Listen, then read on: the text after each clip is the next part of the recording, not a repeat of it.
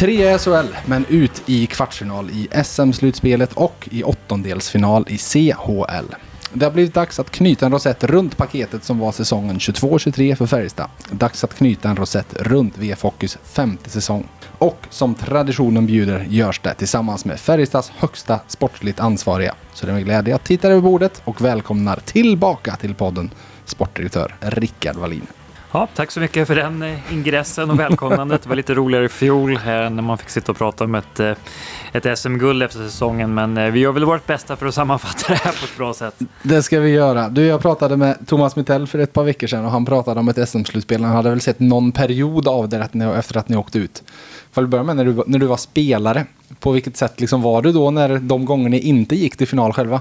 Arg Eh, och sur. Eh, och jag tror faktiskt inte Thomas har varit riktigt ärlig när han säger att han har sett någon period. Jag tror båda eh, vi två sorteras in i kategorin lite för intresserade för att inte bry oss. Men däremot så, så har man väl inte liksom suttit klistrad på, i samma bemärkelse som man fortfarande är kvar och tävlar. Men, så det, det är ungefär samma mm. eh, nu som när jag var spelare, att man, man följer ju med ett intresse. Men det är klart att eh, det är inte så där så att man, man sitter alldeles bänkad utan man låtsas kanske för sig själv och inte bryr sig så mycket som man gör. det här spelar ju ingen roll på riktigt, vem bryr sig? Nej, men lite så där får man väl känslorna emellan också. Mm. Att när, när matcherna går åt ena eller andra hållet så hockey utan känslor är ju inte lika bra och, och när man är, har varit inne och, och tävlat på riktigt så mm så blir det en avslagen känsla även när, när matcherna är lite roligare. Så att, eh, eh men den här, de här vårarna, eh, när, när det finns hockey varje kväll på, på mm. tv, det är, ju, det är ju en höjdare såklart. Så att nu när det, när det börjar bli någon dag utan så blir man ju lite rastlös ändå att det inte finns något att sätta på när man, mm. när man får en stund att sätta, sätta sig i soffan och, och, det är en känsla av att man, man missar något när man inte är med såklart. Mm. Vi får väl börja där då. Vilka vinner SM-guld? För nu har vi ju en final som ska dra igång här i helgen. Ja, nej, jag, jag är inte så bra på att tippa och framförallt inte när det gäller våra egna matcher. Ehm, men generellt märkte jag när jag jobbar på tv att det här med att tippa, då får man jobba på, på Unibet eller något sånt där. Uh, jag vet faktiskt inte. Jag skulle kunna göra ett case både i den hockeyallsvenska finalen och i SM-finalen ja. att uh, alla, alla fyra lagen där skulle kunna vinna. Mm. Så att det, på förhand ser det ju väldigt jämnt ut. Mm. Verkligen. Och, um, Ja, det är klart, Växjö känns som att de har lite flytet på sin sida, har varit mm. starka hela säsongen. Skellefteå har gjort en ruggigt stark vändning mot Örebro, så att jag tror båda finallagen där går in med en en stark känsla och, mm. och, en stor tro på sig själva. Så att, eh, fram till första finalen här, då kan man ju bara spekulera i hur styrkeförhållandena mm. faktiskt är emellan. Men det är, det är två kom, ganska kompletta lag och man kan väl också konstatera att det är um, rätt så heta målvakter som har gått långt i slutspelet i år. Så att, um, det är en tydlig, tydlig grej där tycker jag. Mm. Du, Inget svar på frågan. Ingen svar. Nej, nej, nej, exakt. Du, du, har, du är redo för en politikerkarriär. Du dribblar ja, men bort mig med att prata Jag tycker faktiskt eh, inte att jag har något bra svar, att jag nej. tror något lag vinner. Så då är det väl dumt att svara bara för att. Jag fick frågan från kollegorna nere i Växjö här och tippa igår och jag tror jag drog till även den här med, ja men det blir sju matcher och så vidare. Och så. Ja, det, när man säger att jag vet inte, då, då säger, man, man det blir sju ja, matcher, exakt, det är jämnt. Exakt, exakt så. Du, för er då? Spelarna eh, skickade ni på semester någon dag efter, att, efter uttåget. Vissa gick väl typ dagen efter. Eh, sen har ni haft lite samtal och så. Men hur, hur har jobbet varit för er? För att så, för, I ditt läge så kan du ju inte riktigt gå på semester nu. Nej, det var annorlunda i år. Det här är ju ehm, egentligen första hela säsongen och, och, och första gången som man går på, på semester med ett, eh, ett sånt nederlag. Mm. I fjol blev det ju en annan sorts eh, avslutning som var ju naturligtvis mycket positivare då. Även om det var eh, samtal och tunga besked att ge och nya säsonger att fokusera på så, så blev det ju en annan energi i hela mm. föreningen. Nu var det lite luften som gick ur alla som nog kände att i och med match sju att vi hade en bra chans att ta oss vidare. men man får göra analysen och man får gå vidare och, och um, Nej, det, det, har varit ganska tungt måste jag säga. Mm, mm. Och landa in i det. Och, och, som ledare så får man ju inte ta tag i sin egen besvikelse på samma sätt som man fick som spelare när man kan stänga in sig och spotta och fräsa och gå på semester. Utan um, nej, det, det, är helt annorlunda och vi försöker vara, eller försökt vara så noga man kan med kort varsel på att um, ja, samtala med alla först och främst och försöka mm. utvärdera i det korta perspektivet vad som har varit bra och dåligt. och, och sen också landa i någonstans att, att acceptera det som var och, och se framåt. Ehm, det, det, är det man kan göra och, och lägga fokus på nästa och försöka att inte inte fastna i de här känslorna mm. som är besvikelse och, och, och, um, frustration utan göra något konstruktivt och, och titta framåt.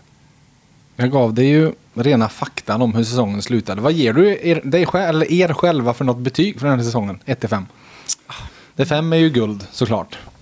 Ja, det, det är ju du kan få sätta med, med decimaler om du ja, vill vara jag lite specifik. Jag vet inte om det blir bättre, för det blir också känslomässigt. Eh, fakta är ju att vi åker ut i kvartsfinalen och eh, det är, liksom så här, det är ointressant att tycka om det är godkänt eller inte. Det är ut i kvartsfinalen oavsett om, mm. om det är bra eller dåligt i, med tanke på skador eller, eller vad man nu vill, vill lägga in för, för värdering i, i prestationen där. Så vi lyfte inte i rätt läge den här säsongen. Det kan man ju lugnt konstatera på, mm. på individbasis och eh, som lag heller. Mm. Eh, även om det absolut inte har varit, eh, tycker jag, dåligt utan snarare ganska, ganska godkänt. Så det är väl någonstans mellan en tre och en fyra ändå, mm. skulle jag vilja hävda. För jag tycker att vi har ett, hade ett lag och ett spel som till och med kunde ha räckt mot, mot de lagen som tog sig vidare. Mm. Men det får vi aldrig veta. Så att, nej, jag, jag, är nog fel man att sätta betyg också. Mm. Och, um, jag tycker ändå att jag, jag, är inte besviken på, på laget eller på egentligen någon spelare heller. Däremot så önskar man ju mer på, mm. på ganska många håll och kanter och, och vet att det fanns mer att ta av. Mm. Men de där, de där riktigt stora minusposterna har egentligen inte funnits på, på hela säsongen i stort heller. Utan det är de här små marginalerna som, mm. Så man måste ha lite tur och lite extra skicklighet och, och sådär för att få på sin sida som inte lyckades i år. Mm. I utvärdering, det är klart att ni, ni sitter ju med, det blir väldigt tydligt inom idrottens värld att ja, men det här blev resultaten i år och så vidare. Samtidigt så vet jag att du har ett tänk som är ju inte bara för det här året heller utan på något sätt måste ni ha, ni har ju en längre plan för hela föreningen också liksom. Är det på något sätt att i utvärderingen att man får nästan göra två utvärderingar? En av ja, men vad som faktiskt skedde det här året, en av hur ligger vi till i där vi som förening på sikt vill ta oss och så vidare. Ja, men... och vad, vad, vad, har vi tagit för steg på vägen dit liksom? Eh jag förstår vad du menar och det är klart att det finns en, en plan till hur man vill vara men samtidigt så um, man ska ha en lång vision och en, en, strategi men, men man kan inte jämföra för mycket med, um, med föregående år eller Nej. tänka på nästa år heller um, under säsongen utan det är klart att man, man har en, en vision av vilken sorts spelare och hur man ska bygga laget framåt. Mm. Och sen så finns det ju lite grejer som man vill förbättra och slipa på från år till år. Men jag tror en sak som man kan lära sig från, från våran sida är att man inte ska fastna i säsongen, vilket ju är otroligt lätt att göra med den avslutningen ja. som, som var. Um, för att även om du har samma material så blir det inte utfallet exakt samma varje år. Nej. Utan det gäller att förbättra sig och slipa och, och göra om och hitta nya vägar att vinna. Uh, och det tycker jag vi landar in i under året mer och mer, men, men kanske att det fanns en liten sån där handbroms i ändå att i fjol gjorde vi så här. Mm. Uh, så det får vi försöka tänka också framåt att eh, man ska naturligtvis ta med sig det som är bra. Eh, men också vara öppen och försöka släppa det som har varit och fokusera på, på nästa prestation och nästa match och, och, och hela den biten. Eh, och det, igen, jag tyckte att spelarna och, och, ledarna landade in i det mer och mer under säsongens gång. Och, eh, sen, eh, mm, nu blir det mycket teoretiskt. Ja, ja. men, men jag, är, jag gillar ju det här att veta svart på vitt vad som har hänt och, och med Wilderots eh, hjälp så samlar vi ju ganska mycket data och, mm. och, och, det ska man ju inte ta som hela sanningen heller utan det ska ju balanseras med de här känslorna och yttre förutsättningarna som finns. Men, mm. men ehm, Ja, men vad säger siffrorna? Alltså om du tittar på utvärderingen av, av säsongen så sett, ren, Ja, men den är precis klar, för jag läste den igenom ja, den i förmiddags, ja, ja, Eriks eh, säsongsrapport sådär, som, man, eh, som man alltid gör och vi får ja. någon under säsongens gång också. Så det finns saker som, som har blivit eh, klart sämre och det finns saker som har blivit klart bättre. Och, Vill du ge något exempel? Ja, vi har släppt till lite för mycket målchanser ja. jämfört med i fjol och haft ett väldigt mycket bättre målvaktsspel. Mm. Så det är väl de stora bitarna. Så. Sen finns det lite små grejer också. Och Likaså powerplay har ju inte heller varit någon plusfaktor i år, eh, vilket det inte var i fjol heller. Eh, men, men lite sämre där och ja, där skulle man ju ha önskat att eh, eh ja, men att det klev upp och, och var lite skillnader med tanke på vad, vilken skicklighet vi ändå har ute på isen. Och, och, för visst, eh, inledde ni inte helt okej första tredjedelen i powerplay. Alltså, eller det kanske bara var... Jag vet att Lillis hade i alla fall typ 10-11 assist efter en tredjedel av säsongen i powerplay. Ja, Sen var... kanske det var alla era PP-mål i så fall. Ja, nej, men det var väl en, eh, en spurt där i alla fall precis innan Björklund blev skadad som, ja. som vi hade väldigt bra utdelning och, mm. och, kände att vi hade hittat rätt i formationerna. Sen blev det mycket omkastningar och sådär. Mm. Och det var ingen katastrof där heller, men, men inte det här vinnarvapnet som, som vi kanske hade behövt en säsong som i år. Men 5 mm. mot 5-spelet överlag ganska bra, förutom att vi släpper till för mycket heta målchanser emot. Mm, just det. Um, så det, det finns... Offensivt då, vad säger, vad säger det om er insats där? Liksom? Ja, men, helt okej. Okay. Mm. Eh, det finns saker vi behöver göra bättre där också. Men, men, mycket har väl att göra med att vi har varit lite för givmilda med heta målchanser emot. Och det skapar ju en, förutom att det, att det kan bli mycket mål emot naturligtvis, så eh, har vi haft ett bra målvaktsspel som jag nämnde, men det skapar ju en viss oro också i laget när man släpper till mycket målchanser. Och det, mm. eh, det är inte så många det skiljer på på en match i snitt om man slår ut det. Men, men ändå, vi pratar om det där med små marginaler. Det är någonting som man kan se när man tittar på siffrorna på pappret i alla fall. Att där, där skulle vi ha behövt vara lite bättre. Mm. För sista gången den här säsongen så ska jag säga ordet skador. Det kommer du inte hålla. Nej, vi, vi, vi, ni vet ju vad det här avsnittet innebär. Vi ska ju gå igenom hela truppen spelare för spelare. Men eh, vi håller oss på lite generell nivå eh, mm. till att börja med här. Eh, på något sätt så är min känsla att skadorna den här säsongen ham, ni landade i någon slags dominoeffekt med dem. Ja. Där en bricka började falla i höstas och sen fick ni aldrig riktigt stopp på fallen av dem utan de bara fortsatte att falla och falla och när ni trodde att nej nu kanske, nej, så kom en till och en till och så vidare. Mm. Där, det, där det känns som att man nog faktiskt kan härleda mycket av, av vad som hände till, till att, det, att det höll på som det gjorde hela vintern. Ja, det vet jag inte om jag håller med i, i, i helt att det... Nu menar jag i stor, stor att ja, men, fall det är borta så får den spela lite mer och så blir det en ja, effekt på det och så vidare. Jag förstår att du säger det med tanke på den, det narrativet som har blivit lite grann. Ja. Att alla har spelat så väldigt många minuter mer och slitit ont. Eh, tittar man på, igen på fakta så det är ingen spelare som har spelat kanske de minuterna där ja, okay. det bör bli att man är skadekänslig så att man eh, får ett brott i en handled precis innan slutspelet Nej. till exempel. Nej. Eller att man bränner in i en målbur. Eh, eller att man får en fraktur på ett finger. Mm. Det har mm. varit jag tycker att det, det är klart att det, det, här kanske är naivt från min sida, mm. men jag tycker att det har mer varit saker som man inte har kunnat Nej. hjälpa och att det har varit en hel del otur med det också. Ända och, från egentligen Göransson täckte ett skott på första träningsveckan och missade egentligen försäsongen. Och, hade, och med sin kände fot. ju av foten, ja. berättade han väl i, i, i princip fram till februari att han ja. spelade med en känsla av att någonting var lite fel. Ja, nej, men det, det är klart att det spelade inför hans säsong. Men jag menar, det, det, var en sån här sak som man tänkte när han täckte det skottet. Så det är två dagar och så är han tillbaks. Sen mm. så drog det där ut på tiden och det var samma med Viksten. hade något skott på foten som tog forever i början. Mm. Eh, sen kom de tunga skadorna med, med Lennström, med, med Limpan och, och Ellie kändes verkligen när han gick ner som att wow, mm. vad händer? Mm. Eh, då var vi på gång att bli fulltaliga för första gången. Ja. Ja, och det blev vi aldrig sen. Pocka också klev av precis någon period. Ja, precis. Innan sista matchen. Så att, eh, nej, det, det är så ibland att det studsar emot och, mm. och grinar emot. Men jag är ändå jäkligt stolt över hur laget tog sig an eh, och aldrig använde det som en anledning till att stänga ner i matcherna. Trots mm. att man var lite kort och, och tyckte att vi hittade en, en struktur och, och ett sätt att spela ihop som, som gjorde att vi hade chansen att vinna. Jag kan inte minnas speciellt många matcher där vi var chanslösa att ta ja. poäng i, i vinter. Och, och, det, och, då tar man ju nog många poäng till slut om man är med i, i matcherna och, och hugger. Och, eh, sen vänder vi väl någon match som vi kanske inte Nej, gör normalt sett också. Men, Förlorar ni ja. tre matcher i rad? Mm. Två var någon, det hände några gånger. Men jag vet inte tusan om ni hade... Alltså, jag, jag, tror vi förlorade tre efter landslagsuppehållet. Ja, vi förlorade gjorde, ja. Malmö, Oskarshamn och något mer lag. Vad det, det nu var. Ja. Eh, och det var en sån där tung period. Eh, mm, Skellefteå men, var det va, när, när Ellie blev skadad. Men då är det ju det egentligen den, alltså vi, vi har ju ingen sån här 5-6 matchers period liksom. Och det är ju någonting som Eh, Eh, jag, jag pratade med Peter Nordström här innan, innan de skulle åka iväg och spela sin, eh, det som blev deras sista kvalmatch till SSL Karlstad. Och då pratade han om det, att vi har jobbat i flera år med att, eller i två år i hans fall, sedan han kom till, till klubben. vi ska aldrig förlora två matcher i rad. Och det var väl någonting, det vet jag vi har pratat om, det var väl någonting som fanns i Nordström Jönsson-eran att man förlorar inte två matcher i rad. Det finns inte. Nej, först och främst grattis till, till Norda och, och hela Karlstad som tog sig till SSL. Det var starkt gjort.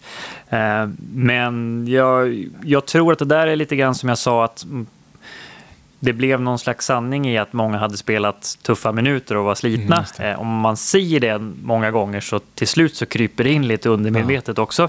Eh, vilket jag var lite rädd för under året, men jag tyckte vi, vi skruvade på det så att det mm. inte blev en, en ursäkt och, och att eh, att spelarna skulle känna sig trötta och slitna. Eh, men det du säger med, med som Peter har sagt där och, och, som jag tror faktiskt på, det är att man planterar det. Vi förlorar inte två matcher i rad, vi är starka. Ungefär som att ibland får man en känsla av att man är oslagbar på hemmaplan. Ja. Eh, och det kan börja med att man bara planterar att men vi, vi har vunnit många hemma, vi är starka hemma, vi förlorar inte hemma. Nej. Till slut så, så sitter det där någonstans i bakhuvudet och man, man agerar på ett annat sätt. Mm. Så att, eh, idrottspsykologi i alla, alla Peter Nordström, den kan vara den kan vara enkel i den formen och, och det verkar ha gett resultat där också. Till slut, om det blir ett mantra så kan man få hela laget att köpa in och tro på saker. Mm. Ja, för med, med, eh, med skadorna, om vi då bara tar med dem oss framåt så sett. Hur ligger ni till nu? Är det någon med all, allt det här som har varit som, som kommer vara påverkad liksom inför nästa säsong? Ja, vi vet ju Mikael Wikstrand och Magnus Nygren såklart. De, de hade ju inte spelat match om ni hade haft match idag så att säga. Nej, eh, det hade de inte varit. Men är det någon annan sen? Eller kan de, de andra nu när ni återsamlas och börjar att köra liksom vara med? Eller är det fortfarande grejer som ligger och dras? Nej, jag tror att det ska vara hyfsat lugnt. Sen har man inte riktigt stenkoll på nej. hur de ser ut när de kommer tillbaka efter semestern. Om det är någon sån här liten grej som, som ligger som man behöver. Men, men nej, inte som jag vet. Utan... Ingen alla Joel Nyström som ska in och göra någon operation Nej, och, och det fanns ju fjol. Ja. ja. nej, det fanns ju fjol några stycken som vi visste skulle mm. gå på och operera sig. Och Marcus Nilsson gjorde också en operation i fjol som gjorde Just att han det. missade hela försäsongen där. Um, så att nej, jag tror att vi är mm. peppar peppar. När vi går in i ny kalendermånad här mm. så hoppas man ju att skade um, eländet ska gå åt, åt rätt håll på det sättet. För det är också sådär att det, det blev som en snöbolleffekt som du sa. Mm. Vi, får försöka bryta det här nu och se framåt. Och, och, um, sen kan det ju såklart i vissa fall också um, ligga med i fatet och det, det, får väl framtiden utvisa också. att vi spelade ju rätt länge och hade ja. en kort försäsong i uppbyggnaden så att det kan ju vara Den det som gjort, någonsin. Ja, som gjort att spelarna var lite slitna mm. under, under delar av säsongen också och när de fick spela de minuterna så, så kan man ha blivit lite sliten. Så det får man ha respekt för också att uppbyggnadsfasen blev kortare och de som är lite äldre behöver ju både vila och bygga upp sig igen för att eh, lyfta. Mm. Så att den chansen finns på ett annat sätt nu. Mm. Eh, men om man drar parallellen till Luleå som spelade exakt lika länge så hade de i princip inga skador i Nej. år. Så att... Men de, de gjorde heller inte så bra resultat som man kanske trodde att det laget Nej. skulle göra. Så att, visst kan ju vara att man spelar men kanske inte har riktigt den energinivån som man hade haft. Jag tar hellre vårt resultat ändå om man får jämföra eh, såklart. Men, men, du ser, det var, var svårt det och ja. vad lätt det är att fastna i sina tankar och, och mm. um, att saker och ting blir sanningar som mm. kanske ligger någonstans i, i, en gräns där man inte vet exakt mm. vad som påverkar. Och det är ju det, det vi människor har svårt för när, när man inte vet vad, varför saker och ting blir som de blir. Mm. Men det är sport, man vet inte alltid Nej. varför saker och ting blir som de blir och, det, det, är härligt oförutsägbart ibland. Och, mm. Um, vinner man match sju så, så känns det helt rättvist. Då, då är det logiskt. Då är det logiskt. ja, all, allt ni gjorde ja. ledde ju fram till det. Nej, men en, en bättre insats um, i första perioden i match sju i år så ja. hade vi ju sminkat över en del av de där problemen totalt sett. Och, och um, Ja, hur, hur landar ja. du in på i den? Eh, jag landade ju nästan in på att det var ett nästan lite övertaggat mm. lag och lite överladdat sett till utvisningarna ni drog på er framför allt. Där det kändes som, ja men ta Remelis till exempel, där han eh, står och dunkar på. Det ska mycket till när man har åkt två, på två stycken utvisningar i perioden redan att man ska få en tredje i en sjunde match. Ja, nej men de... Eh, vi kom ut och kände oss väldigt starka och har ja. kommit ut i samtalen också att de i princip alla sa att eh, det kändes som vi skulle ta det här. Mm. Vi kände oss jättebra inför matchen och stämningen, alltså publiken och, mm. och inte bara den matchen, hela Nej. året. Och, men ja. slutspelet framför allt och match sju, det var ju det var en sån kuliss där så att mm. en, en sån match så, så tippade det nog kanske lite över gränsen för oss och mm. sen fick de 1-0 och där tappade vi fokus och, och Eh, blev lite frustrerad och fick mm. några utvisningar med oss som... De var ju ganska klara, men Mm. Sett till hur det hade dömts och hur det dömdes under matchen så, så blev det... Remis håller jag med om. Det är klart att det är utvisning. Det, det, är det, inget, det är just att det är tre i rad. Det är inget att snacka om. Nej. Tre i rad på hemmaplan. Ja. Alltså vi kan, mm. Eh, också när man går på säsongsstatistiken um, ett och två år tillbaka så um, vi har blivit hårt drabbade av utvisningar också, vad nu det beror på. Ja. Uh, vi är liksom minus 60 på utvisningar på två år. Mm. där lagen i topp. Ingen nämnd, ingen glömd, men mm. Frölunda ligger ju bra till kan man ja, säga. Okay. Vi, är, vi är plus minus noll på hemmaplan ja. Eh, med det hemmaspelet vi ändå har. Ja. Eh, Frölunda var plus, om det var 17 eller plus 27. Ja, okay. mm. Det är ju liksom svårt att, mm. att tugga i sig också, mm. även om man bryter ut situationer. Det är klart att vi mm. gör saker som ska bli utvisningar på, men att vi inte får med oss så mycket, det tycker jag är märkligt. Eh, framförallt på hemmaplan. Vi har inte fått den där lilla fördelen av bedömning som, som hemmalagen ofta har naturligt. Så att, um, det, det, har varit, nu har vi haft ett sånt powerplay ja, så, så att det kanske inte hade gett den utdelningen. Men det är klart att det, det sliter att spela ja. boxplay. Och vi släppte väl inte in något i, i boxen i den perioden heller. Nej, det gjorde vi inte. Nej. Men vi, vi blev slitna och mm. frustrerade och fick, eh, nej, fick inget flyt med oss i den matchen. Nej, nej. Du, eh, jag tänker att vi ska gå på truppen och vi går på den lagdel för lagdel. Jag tänker att vi börjar med att blicka bakåt på de spelarna ni har haft och så blickar vi sen lite framåt. För det finns ju lite nyförvärv som är presenterade redan och lite planer och tankar om hur 23-24-laget ska, ska byggas. Men vi börjar med målvakter och nummer 35 Dennis Hildeby som i siffror landade på 91,8 och 2,26 insläppta mål per match. För de grundläggande siffrorna kan vi säga. Ja, Dennis kom in till, till den här säsongen med fem starter i mm. SHL.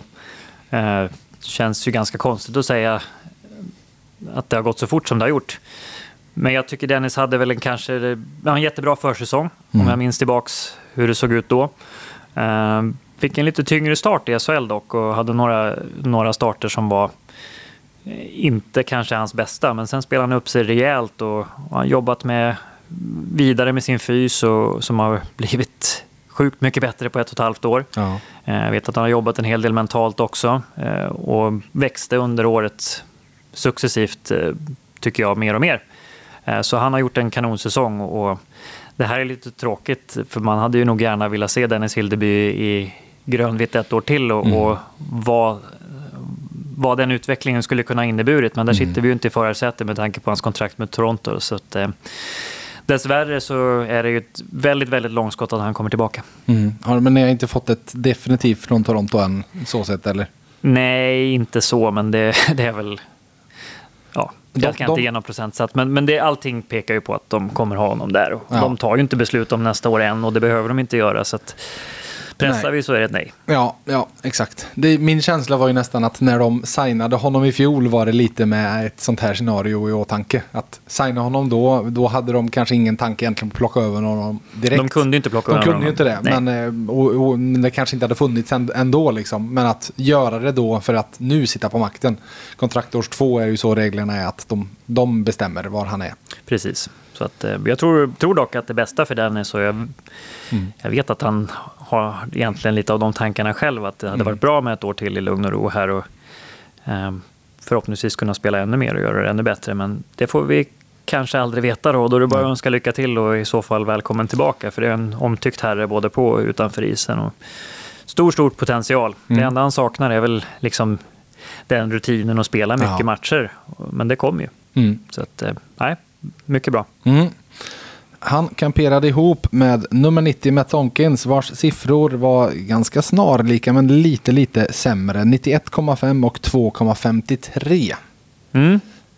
Stod lite fler matcher, mm. 60-40 ungefär. Mm. Ehm, och det var väl det vi såg framför oss också inför säsongen att han skulle vara den som som tog den större delen av lasset och, och vara stabiliteten, vilket jag tycker att han var under mm. säsongen och tog många av de här starterna där det behövdes eh, klivas in och lugna ner det. Mm. Så att vi är jättenöjda med hans spel också. Eh, jag vet att det fanns frågetecken inför säsongen mm. att, att det är där skulle det bli en svaghet för oss. Men totalt sett så har vi haft som tandem det bästa målvaktsparet i, i SHL om man ser till räddade över förväntade skott. Som, ja, man kan använda olika statistiker och ja. målvakter är svåra att bedöma för det hänger så mycket ihop med vad laget ger. Om man släpper till mycket skott så får man en hög räddningsprocent mm, mm, etc. Mm. Uh, men Matt har varit bra, superkille utanför isen. Uh, kämpar alltid hårt för laget uh, på isen. och, och är det något man kanske har saknat så är det väl förmågan att kanske stjäla matcher i, mm. i, det, vad ska man säga, i de utsatta lägena. Mm. Jag tycker att han sällan... Det är väl någon match som, som inte har blivit så där superbra som man kommer ihåg mm. när han blev utbytt. Men mm. klev tillbaka från det och var superstabil i avslutningen av serien. Och mm. jag tycker egentligen mot Frölunda också att det är inte han som förlorar den serien på långa, långa vägar. Match utan... sex har han ju väldigt stor del i att ni vinner faktiskt. Ja, mm. Det är klart att han också hade önskat att ta någon av de skotten som gick in i första perioden mm. i match 7. Mm. Men totalt sett så i slutspelet så eh, Lasse Johansson var grym i andra änden, men jag tycker Matt var bra för oss också. Och vi har ju även, han har ju, det är ju bara de här två som har stått för det, men jag känner att vi ändå får ta med Damien Clara i, i den här utvärderingen. Som att han har ju faktiskt funnits med på bänken för er några gånger mm. och var ju eran trea den här säsongen. Eh, så sett. Hur, hur, vilka steg har han tagit sedan han kom från Salzburg inför i år? Jag tycker han har han har tagit steg helt klart och, och eh, inte haft eh, den lättaste uppgiften i J20 heller kanske. Och, eller lättaste, men där, där, har väl spelet gått lite upp och ner. Men när man ser honom på träningar med, med A-laget och så, så har han tagit steg i sin utveckling och mm. fick göra ett inhopp i Hockeyallsvenskan också, där han gjorde det mm. riktigt bra i Karlskoga. Så att, um, en utvecklingssäsong för, för Damien och vi funderar väl och, och försöker utvärdera vad nästa steg är för hans utveckling också. Mm. Tycker ju eh, mycket maskens ord här att han inte är så långt ifrån att vara en, eh, en färdig seniormålvakt. Men då behöver han ju ut och spela mm. någonstans och, och, testas där. Så att eh, det finns en tanke om att försöka hitta en plats för honom i Hockeyallsvenskan nästa år. Mm. Och hur hoppfull är du att ni, ni lyckas med det? Ja, men hoppfull såklart. Mm. Det borde vara en sån målvakt som, som tilltalar många mm. av de allsvenska lagen. Så att, Eh, vi får se var det landar in, men eh, nej, eh, spännande, spännande målvakt, minst sagt. Och också väldigt proffsig utanför isen och har lärt sig svenska på det här året. Ja, det Bara är en sån så, sak eller hur? lagt ner sig på, på det. Så att, också en omtyckt kille, verkligen. Matt Tomkins är en av era två utan klausul till nästa år, eller hur? Ja, så är det. Det som, som, som är med Matt, liksom Dennis, att det finns ju NHL också. Just det. Så riktigt säkert vet man ju aldrig. Nej. Exakt. Men hur lät det på eh, slutsamtalen ni hade innan han åkte hem? Ja, nej, men han var jättenöjd med säsongen och har trivts otroligt bra här. Så att, eh, nej, han var um, positiv och tacksam över eh, att få komma hit och spela i Karlstad och mottagandet här. Så att, eh, nej, det var bara positivt. Carl Lindbom i Djurgården har gjort en ganska bra säsong du. Han är skadad nu inför mm. finalen, men eh, jättebra säsong i Djurgården. Och, och junior-VM. Spännande målvakt. Det var en ledande, ett ledande påstående det här. Mm, det var det. Ja. jag förstår att du inte kan prata och speciellt inte nu när Djurgården är inne i sina viktigaste matcher för säsongen. Men eh, till er lyssnare så är det ju det som ryktet säger i alla fall att han ska vara mycket nära Färjestad till nästa säsong. Men jag säger så här då, det du faktiskt har pratat om Rickard är ju liksom hur ni vill bygga paret. För att okej, okay, Dennis Hildeby är inte helt borträknad men till i stort sett borträknad. Och du, när vi pratade tidigare så sa du att du skulle gärna bygga på en liknande kombo med mm. Matt som den mer rutinerade och få in en ung kille där snarare än att få in en till 28-åring. Liksom. Ja, eh, det är väl det som var tänket med, med årets målvaktspar. En lite mer rutinerad som eh, kan vara en, en lite mentor åt, mm. åt en något yngre. Eh, så det tycker jag föll väl ut. Så um, skulle det vara så att Dennis försvinner och Matt blir kvar, då tittar vi väl först och främst åt en sån lösning också.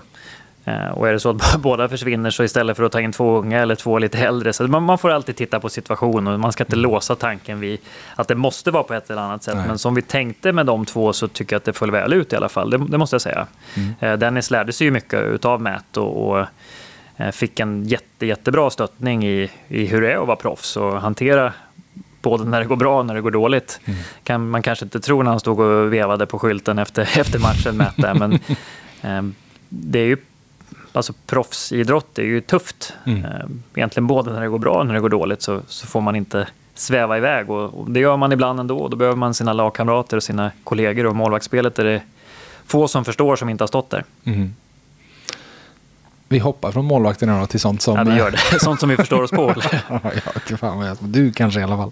Vi går på backar och eh, landar på de, de, som har spelat i år. Jag tänker vi kommer nummer sex, Mikael Wikström kommer till senare. Men nummer sju, Axel Bergqvist.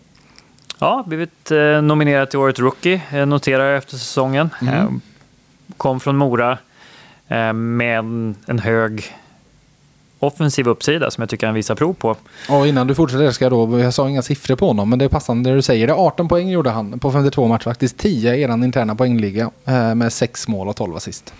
Ja, och när man slår ut det där och, och tittar på 5 mot 5 poäng så tror jag han är ett efter Lennström i, i 5 mot 5. Sen... Och spel, snurrar du ut det på snittspeltid så ja, ligger han nog ganska bra till också. Då ser det bra ut såklart, men, men Axel har visat prov på sina styrkor men också blivit medveten om sina svagheter, mm. Eh, som ju är spelet utan puck och, och, lite grann att sätta stopp i, i egen zon. Och även han hade ju en fotskada att bråka med under säsongen som gjorde att han inte var riktigt lika explosiv i sin skridskoåkning som är hans styrka. Så att, eh, eh, det finns positiva grejer att ta med sig för Axel och det tycker jag han ska vara stolt över sin, sin rookie-säsong. Hur ser du på det här som mot slutet här? Det, det, han, han hamnar ju på ett antal till baklängesmål i, i de sista matcherna mot Frölunda och så vidare. Ja. Uh, hur jobbar man liksom med, med det mentalt med honom efteråt? Att... Nej, men det, eh, det man ska veta med Axel är att han vill väldigt, väldigt mycket. Han mm. är...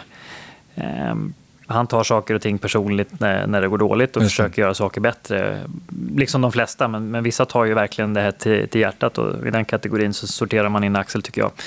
Eh, så att eh, han kom olyckligt in i det i, slutspelet och med tanke på, på de, de backarna som var frånvarande så hamnade han ju både kanske inte med en partner som, som gjorde att han fick spela sitt spel på bästa sätt utan han, han blev satt i situationer som man inte är redo för helt enkelt och, och det syntes. Mm. Eh, och när man blir avslöjad så, så blir man avslöjad rejält i slutspel. Så att, mm. eh, budskapet till honom efter att inte ta det för hårt utan ta det som en, en läropeng. Och, och sen ska vi såklart hjälpa honom att försöka bli bättre på de sakerna som man behöver bli bättre på för att, för att kunna spela slutspelshockey också. Men eh, han har tagit steg sedan han kom hit och, och, det är väl någonstans där också man måste landa in, att inte bli, bli bara besviken på att det inte höll hela vägen att mm. vara en, en ledande back i, i slutspelet när det var ganska små marginaler. Utan eh, det, det, finns grejer att bygga på där också. Han, han har saker att förbättra eh, och det hoppas och tror vi att han kommer göra. Mm.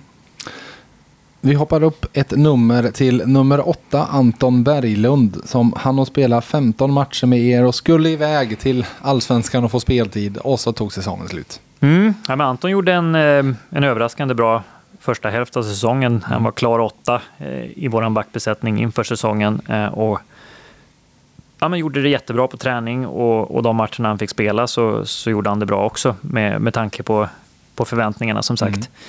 Mm. Eh, sen blev det inte så mycket speltid här. Han var ute i Forshaga några matcher men vi kände att nästa steg, han räckte inte riktigt till på SHL-nivån och det tror jag Anton kände själv också. Mm. Eh, att han behövde ut och få, få speltid då, inte spela så mycket på de sista ett och ett halvt åren. Eh, och ja, så blev det som det blev, som du sa, mm. när han kom till Östersund där han hade fått en, en rejäl chans att spela ganska mycket. Så det är jättetråkigt för Anton att han fick en så pass allvarlig skada också att han var mm. tvungen att avsluta säsongen och kommer börja nästa, nästa säsong på rehabplanet också. Så att, eh, mm. han har ju en, en rejäl resa att göra med motivationen och, och träningen men det är en jättepositiv och glad kille som Ehm, borra ner huvudet och kör när det ska köras. Så att, eh, det är bara att önska lycka till framöver, vart han än hamnar. Och, och prio ett är ju att hitta någonstans där, där han får spela och, och, och landa in i, i seniorspelet i lugn och ro. Vi får hoppa upp ett nummer till eh, nummer, eller eh, några nummer till nummer 12 som väl egentligen blev Anton Berglunds ersättare. Albert Wikman som ju blev åttonde back då mot slutet och spelade ju faktiskt en del i slutspelet. Ja, men äh, Albert har en jättepositiv överraskning under säsongen och, och tog stora kliv i sin utveckling. Äh, både i juniorlaget och, och, faktiskt visade när han kom upp på, på träning och match att han har många av de här egenskaperna som gör att, äh, att han kan spela seniorhockey redan. Han är smart mm. i positionsspelet och, och bra i närkampsspelet för att vara så ung och, och fin skridskoåkning. Så att, eh, jag tycker det finns mycket att gilla med honom. Men också att man ska skynda långsamt med, med honom och alla i den kategorin. Att man ska mm. inte bli för skärmad, att man klarar av att komma upp och, och göra några matcher eh, med begränsade minuter och göra det bra. Utan jag hoppas och tror att han kommer ta det som motivation att jag fixar ju det här, men det finns saker att jobba vidare på. Se till mm. att vara bäst i J20, mm. Eh, leda det laget och, och, när han är mogen att spela, då ska vi försöka, eller då ska vi bereda en plats mm. och, och, spela för honom. Och, det är klart man blir nyfiken på en sån kille, mm. eh, värmlänning som han är också, som kommer att göra det så här bra. Så det är oerhört glädjande att, eh, att J20-laget, eller juniorlaget, har skakat fram en sån här talang igen som får komma in och visa upp sig. Så att, eh, bra jobbat av honom och, och hela gänget där nere. Vill du höras i våra poddar? Vi på NVT Media hjälper dig och ditt företag med marknadsföring. Kontakta oss på mediepartner.nvtmedia.se så berättar vi mer.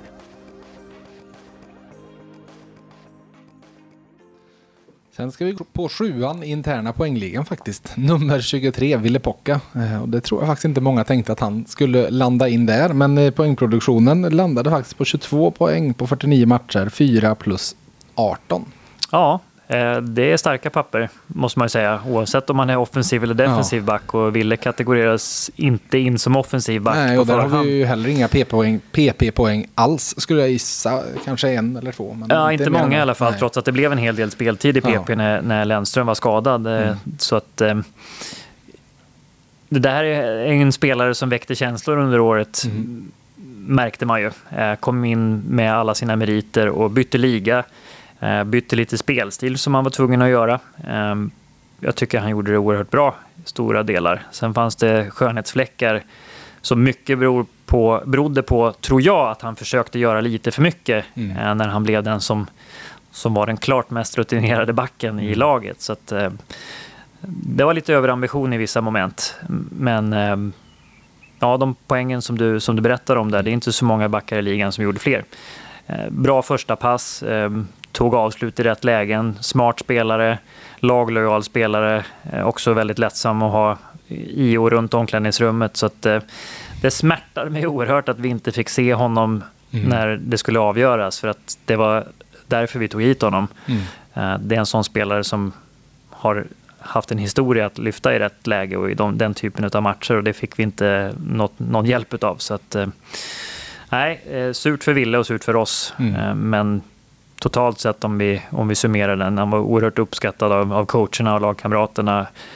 Uh, och det, det, kanske man har lärt sig av säsongen också, som, som Ville fick erfara, att man, um, man växer aldrig så mycket som när man är borta i, Nej, i folks ögon. Nej, Nej det, det, det, blir nästan så. Man måste sakna någon för att ja, men lite så. förstå vad den betyder. Typ. Uh, och det gick lite med några av de andra skadorna också, ja. att man, man förstod inte hur, hur saknad Ellie var förrän han var borta. Nej. Uh, så att um, Nej, eh, Ville Pocka är en, en klassmänniska och en klassback. Ni skickade ut en kommuniké här i veckan med lite spelare som, som inte kommer att bli kvar. Han har ut, Ville har utgående kontrakt men var mm. inte med där. Hur ligger landet? Nej, men vi funderar väl lite. Vi har inte så många backplatser kvar. Mm. Egentligen bara en backplats kvar vi har att fylla. Eh, och som du förstår på mina svar så gillar jag också Ville Pocka väldigt mm. mycket. Eh, det vi funderar på och fortfarande försöker utvärdera, där vet vi ju ungefär vad vi får. Mm. Eh, men i nuläget så har vi inte varit beredda att, att gå vidare med, med Ville. Jag vet att han trivdes mycket mm. bra här mm. och skulle absolut ha kunnat tänkt sig att komma tillbaka, se vad han säger till, till oss mm. i, i exit-samtalen mm. och, och, så. Eh, men vi har tre right-backar på kontrakt mm. och vi kanske skulle behöva en annan typ för att komplettera de backarna vi har. Sen är det naturligtvis en prisfråga och allt mm, det där mm. också. Och vad Ville till slut själv vill vad också. Ville säger du, jag kan ta kontrakt 50 000 i månaden. Då är han välkommen säg. Ja, fast det handlar ju inte bara om det heller. Man vill ju inte betala någon eh, för lite bara för att... Eh, så att det, det, det, kommer ju inte bli aktuellt. Nej. Utan, eh, ja, ibland får man bara låta, låta saker och ting landa lite grann från båda håll och kanter så får vi se vart det landar. Men just det här med, med fattningen, det är inte så många högerfattade backar som kan spela på vänster. Nej. Eh, men vänster på högersidan ja. är, är, vanligare av någon anledning. En mm. sak som jag konstaterat när mm. vi har funderat mm. på backsidan. Så, här, så att, eh, vi får se. Men, men eh, totalt sett i alla fall så var jag ju extremt saknad där i slutspelet. Mm. Vi hoppar fram tre siffror till eh, nummer 26, Joel Nyström. Eh, hur ser du på Joels säsong? Jag tycker Joel tog stora steg ifrån säsongen innan ändå totalt sett. Och han har skaffat sig en väldigt hög högsta nivå, mm. Eh, Joel, måste jag säga. Det ska bli sjukt spännande att se vart hans utveckling tar vägen nästa år också. Eh, han är ju lite lite lillgammal som personlighet mm, om man får mm, säga så. Mm. Det, är en, det, är inte en sågning utan en hyllning. Mm. Eh, så han, han vill ju väldigt mycket och vill göra rätt och, och um, ja, men tar också hårt på, på saker som, som han kan göra bättre. Han letar aldrig ursäkter. Uh, hans skridskoåkning och, och, hans förmåga att och spela sig ur situationer är ju... Ja, där är han ju topp i ligan tycker jag. Mm. Sen så måste han väl landa in i att han ska lära sig att värdera när han ska spela enkelt och när han ska spela svårt. Mm. Eh, och det är sånt som också kommer med, med åldern eh, mer och mer, skulle jag tro. Och samtidigt så har han fått spela väldigt många minuter i mm. matcherna i år. Och det är väl en sån sak som man ser att när hans minuter går upp lite för mycket så blir beslutsfattandet lidande. Men han har mm. också fått göra de här tunga minuterna, vilket sannolikt gjort att han har höjt gränsen för mm. vad han tål. Eh, och vet också hur, hur bra tränad han måste vara för ja, att klara de precis. minuterna. Så det tror jag att han kommer att ha nytta av och jag tror att vi kommer att ha en enorm nytta av det nästa år. Det är en sån skillnad på liksom att spela 17, 18 eller 22, 23? Det kan man ju inte tro, men, men det är ju verkligen någonstans där man blir trött så att man inte orkar återhämta sig Nej, emellan bytena som, som är det intressanta. Mm. Eh, och alla har lite olika olika nivåer för, för när det där händer. Mm. Eh, en del backar kan ju spela och bli nästan bättre när de får spela 25 än när de får spela 17. Ja. Men det är oftast de som är lite mer rutinerade och vet hur man pacear sig ett byte eller två. Så att, eh, Joel behöver ju näst, eller dessutom också kanske lägga på något kilo mm. till för att orka vara intensiv i närkampen och vinna lite mer puck. Men det tycker jag att han har gjort stora framsteg i, i egen zon. Så också jättekul utveckling och jag kunde inte vara en, en bättre kille att ha i ett lag heller, så nu säger jag det om alla hör jag. Men, mm. eh, Joel är verkligen en sån kille som man är stolt över att han är, har Färjestad som moderklubb och, och har i sitt gäng. Så att, eh, mm. Spännande att följa hans utveckling.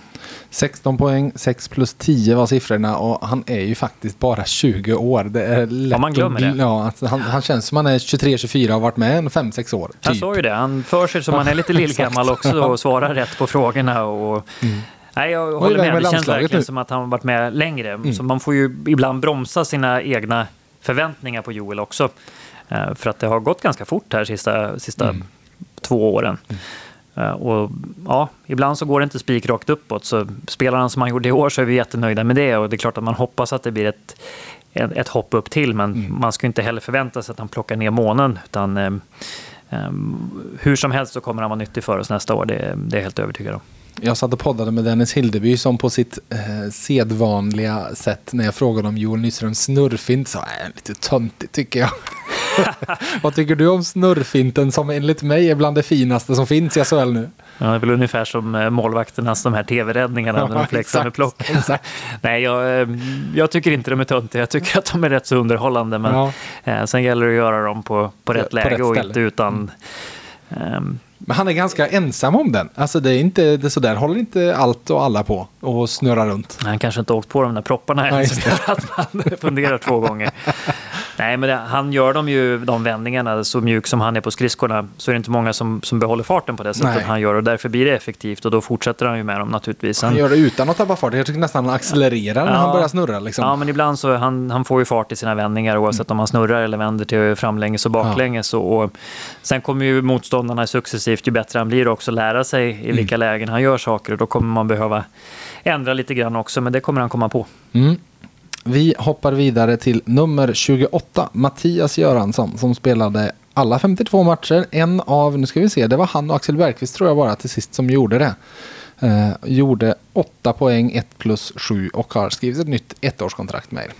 Mm, bra sammanfattning. Jag missade väl hela försäsongen i princip men spelade alla matcherna sen då. Eh, ja, men Mattias tycker jag blandat och gett en del i år. Mm. Eh, kom ju lite fel in i säsongen med skadan, det har vi pratat om tidigare. Mm. Eh, vi hade höga förhoppningar, jag vet att tränarna hade höga förhoppningar efter slutspelet i fjol att han skulle ta kanske ytterligare ett steg i sin utveckling och, och, och i sitt spel. Sen har det väl varit en diskussion med, med Mattias eh, agent under året om hur vi ser på framtiden. Um, han är också en, en omtyckt kille och, mm. och liksom, man vet vad man får där. Jag tycker att han totalt sett kanske låg lite under den nivån vi förväntade oss under stora delar av säsongen. Framförallt kanske i spelet med puck som inte mm. ska vara hans styrka men han, han, behöver vässa den delen lite ytterligare och inte vara så mycket i egen zon. Mm. Han är duktig defensivt men spelar ingen roll om man är duktig man gör defensivt. Inte mål om, nej, och till slut så, så hamnar man i trubbel i, i defensiven också och blir just det här trötta. Mm. Som jag tycker även Mattias hamnar i när han får mm. spela för mycket så, så blir beslutsfattandet, trots att han är äldre, mm. eh, påverkat ganska mycket. Sen han och Tornberg visade sig vara en, en bra kombination för framförallt för, för Göransson. Då. Mm. Så det backparet, när vi landade in med, med de två, så, så tycker vi att vi har någonting att bygga vidare på. Och därför så, så sa vi att vi kör ett år till. Mm. Se vart vi tar det och det är vi nöjda med och det är han nöjd med. Eh, så får vi se vart vi landar in där. Men, men jag tror att vi kommer få se en, en ny Göransson från start med en bättre försäsong. Eh, mm. kan höja sina fysvärden ytterligare. Eh, förhoppningsvis bli lite starkare och elakare i närkamperna. Det tycker jag han skulle kunna vara. Mm. Då har vi ju en, en jättebra shutdown-back eh, ihop med, med Tornberg då, om det ser ut som, mm. som det gjorde i fjol. Mm. Så um, mm, vi får se vart det tar vägen. Du pratar om Tornberg och han är nästa man på listan, nummer 52. Eh, och där vi landade in i produktionssiffror på honom på 47 matcher, 9 poäng, 2 plus 7. Ja, det är jättebra rookie-säsong måste jag säga. Mm. Eh, blandade och gav under försäsongen en del. Mm. Eh, det var ett snäpp upp fysmässigt.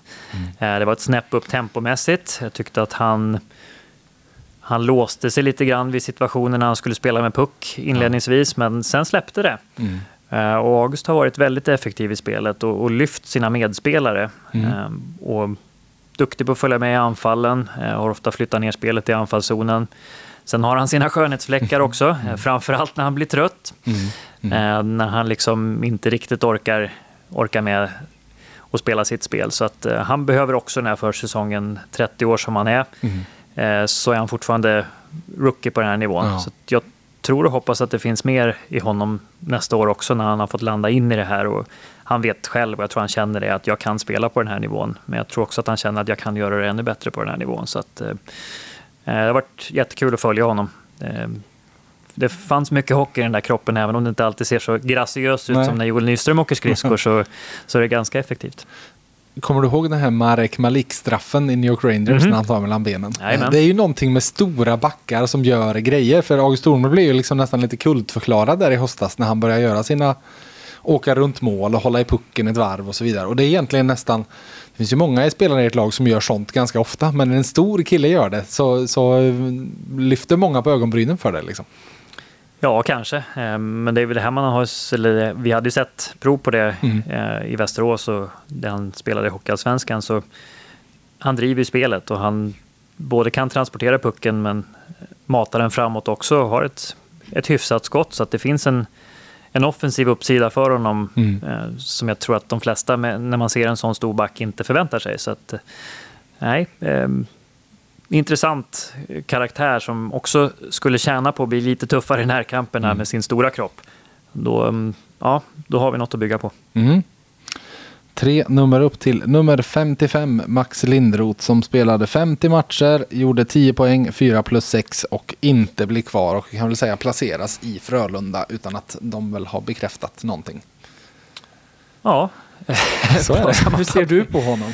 Eh, men Max hittade vi ju hos Linköping när vi, när vi letade efter att bredda vår backsida och jag tycker att den, den rekryteringen blev väldigt bra för både oss och för Max.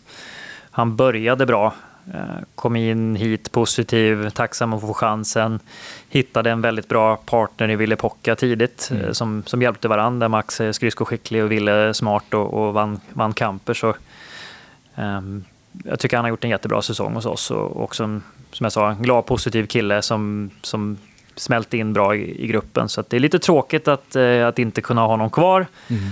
Eh, samtidigt som ja, vi kände väl kanske att, eh, att hans tak var där någonstans hos oss i alla fall, mm. i den rollen som vi använde honom i. Och sen så blev han ganska påverkad av sin fotskada också, där, som gjorde att han inte kunde röra sig riktigt lika bra där. Så, eh, jag har egentligen inte någonting negativt att säga om Max, utan eh, det är väl så att man kan inte behålla alla tyvärr, även om det här var en... Eh, ja, det var ett ganska tufft beslut att, att Mm. inte kunna erbjuda ett nytt kontrakt. Mm. Vi hoppar framåt till nummer 81, Theodor Lennström, där vi landar in på en tredje plats interna poängligan, trots att han bara spelat 34 matcher. För på dem gjorde han 31 poäng, 13 mål och 18 assist. Ja, var, var ska man börja? Den där säsongen som, som Teddan bjöd på hade väl två ansikten egentligen. Fram till skadan och efter skadan. Han var fullkomligt magnifik fram till dess. Mm. Eh, Det var på en sån nivå som att ja, jag tyckte han var den bästa spelaren i ligan fram till Mm. skadan. Eh, Sen när han kom tillbaka så gav han oss en, eh, en stabilitet igen, men nådde inte upp till den nivån som han hade innan och Mm. delvis såklart på grund av att, att skadan hämmade en del eh, Mm. i rörelsemönstret som är hans absoluta styrka. Och, ja, jag vet inte om han själv också kände att han skulle göra för mycket när han kom Nej. tillbaka. Så att han kände sig lite, inte skyldig, men att han, han ville ge Mm. tillbaka och, Mm. och nu ska jag vara skillnaden. Ehm, Men det har varit en, ja, det har varit en, en ära att ha honom här i år också. Klart att det är tråkigt att se honom gå. Mm. Eh, Och jättetråkigt att det blev som det blev i slutspelet också, att han inte kunde vara med och göra skillnad där. Mm.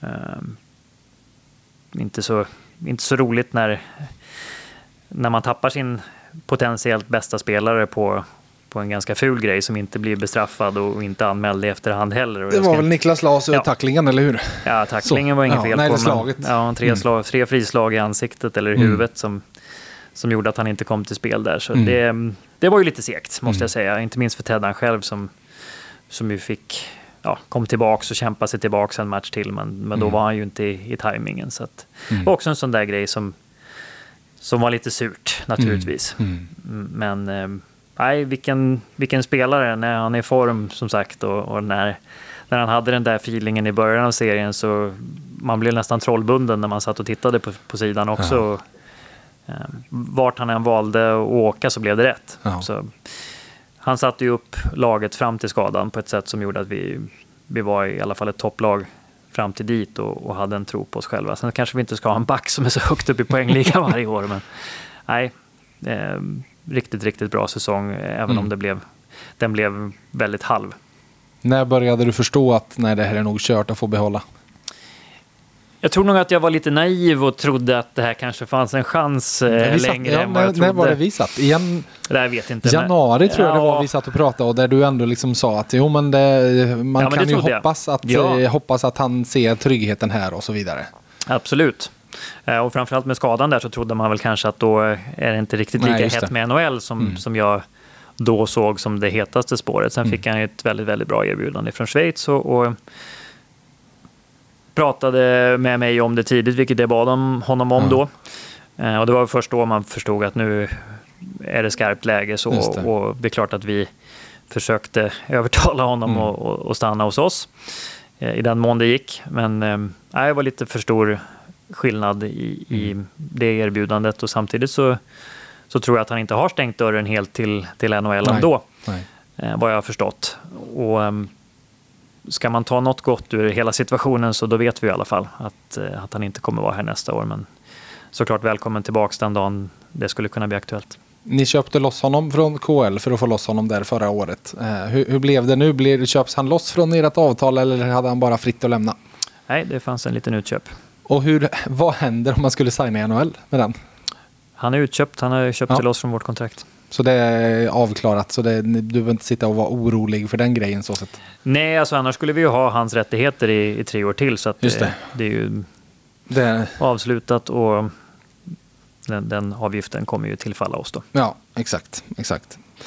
Nummer 88, Brandon Davidson, som kom in sent och därför bara han och spela grundserien sju matcher. Gjorde 1 plus 2 och han hann även att göra med 1 plus 2. Var det nog det finaste prickskyttet vi har sett på år och dagar va, i arenan i sett till att vänta, vänta, vänta, vänta, vänta och sitt, sätta den i krysset. Ja, det kändes som att han var här längre än de 14 Ja. matcherna det blev totalt. Ja. Eh, blev ju en, en väldigt positiv utveckling på den sena Mm. eh, adderingen, måste jag säga. Eh, jätteglad att vi kunde hitta honom, en superkille igen. Lättsam och proffsig och eh, De är ju på så himla sätt. trevliga, nordamerikanerna men, många. men vissa känns det mer genuint med Ja, och jag tyckte absolut. Brandon var en sån, en sån kille redan från start. Och, Mm. och jätteglad att få komma hit och, och njöt av både atmosfären och, Mm. och eh, utmaningen att spela i en ny liga. Så det var, var väldigt bra på alla sätt och vis det han gav oss. Så Mm. Tyckte att det, det är här som är surt, att vi, när vi slottade in då och försökte titta på vad vi behövde, så med Pocka och Lennström i, i Mm. ett första backpar så, så hade han varit perfekt slottad som en back tre där. Mm. Eh, ihop Med med Joel, Joel. ja. Eh, och, ja, det är klart att det blir en annan dynamik i, i Brandons sätt att spela också. Jag Mm. tyckte att, nu, nu har jag sagt det om alla backar Ja. tror jag, men även han hade ju en, en gräns för hur mycket han orkade spela Ja. eh, för att spela på en plusfaktor. På Mm. den stora isen i alla fall, i Mm. det här korta perspektivet. Men, eh, stort hjärta och hårt arbete, typ så. Mm. Mm. Ni har inte sagt tack och hej till honom eller hur, eh, vad, vad, vad skildes ni med för några ord när ni hade ert exit-samtal? Ja, men det är nog lite samma som Ville, att vi gillar honom jättemycket Ja. eh, och tycker att han på de här 14 matcherna igen gjorde det bra, ungefär det vi förväntade oss. Sen måste vi sortera in, är det den typen av back som vi ska ha in Mm. för att komplettera? Så där står vi och, och lite velar får jag säga. Mm. Mm. Eh, Och han deklarerar ju tidigt både i media och till mig också, att, och det var väl lite så vi, vi Innan såg det han också. kom kan vi säga. Ja, men nästan innan han kom. Ja, Men det var, var så vi såg på det också, att vi ville se vad han hade att ge och Mm. hur det skulle kunna passa in. För vi, vi hade ju ett par platser att fylla Mm. eh, på backsidan framåt där. Eh, och framförallt en då kvar Mm. nu. Men vi är inte riktigt överens eh, om, om det är Brandon och om förutsättningarna är rätt. Mm. Eh, Jag har ju fått eh, påtryckningar om att han har varit populär och det förstår jag också. Det hade jag också tyckt och Mm. hade gärna haft honom i laget nästa år också. Men det är, är ju helheten som, som ska bli bra och ibland så blir, blir det svårt att, att fatta det rätta Mm. beslutet då också när, när känslorna blir starka för en individ på, på kort tid. Mm. Man, man kan ju se det som, ja, men, eh, om ni gillade honom och så vidare, varför förlängde ni Mattias Göransson och inte honom? Men jag kan gissa att det handlar om lite olika prisklasser på de två. Ja, det är ju lätt att spela fantasyhockey eh, så, och säga att vi ska ha den och den och den. Mm. Ehm, och sen är det ju rollfördelningar också. Ja. i, i laget. Så det är klart att ja, man kan argumentera att man skulle byta ut eh, spelare mot varandra, men det är oftast inte samma varken prisklass eller förväntningar på speltid. Nej. Nu då hoppar vi in på nummer sex, för han har ju faktiskt inte spelat på hela året, Mikael Wikstrand. Men när vi nu börjar blicka lite mot framtiden så ska vi väl ha med honom i ett framtidstänk, även fast jag vet att du, ni, ni planerar, sätter inte direkt in honom som första back i vad ni tror och, i det här läget. Nej, det hade ju varit oerhört naivt eh, och det låter ju ganska sjukt att han inte spelar på hela året Nej, heller. han har inte spelat någonting på hela Nej, året. första prognosen var ju november, Mm. eh, kanske tidigt november till och med, eh, på när operationen gjordes. Så det blev ju verkligen skit för, för Micke Mm. och han har tagit det han tog det hårt när, när det blev som det blev, men han har också varit överraskande positiv skulle jag säga i den tuffa situationen också. Så att eh, han har kört på med sin rehab och, och tragglat och fortsätter traggla med det här och nu tycker jag att han har kommit över den besvikelsen att det inte blev något spel Mm. så bra som man någonsin kan förvänta sig och, och kör på hårt med sin rehab och sen får vi se. Men det är ju tålamodet som är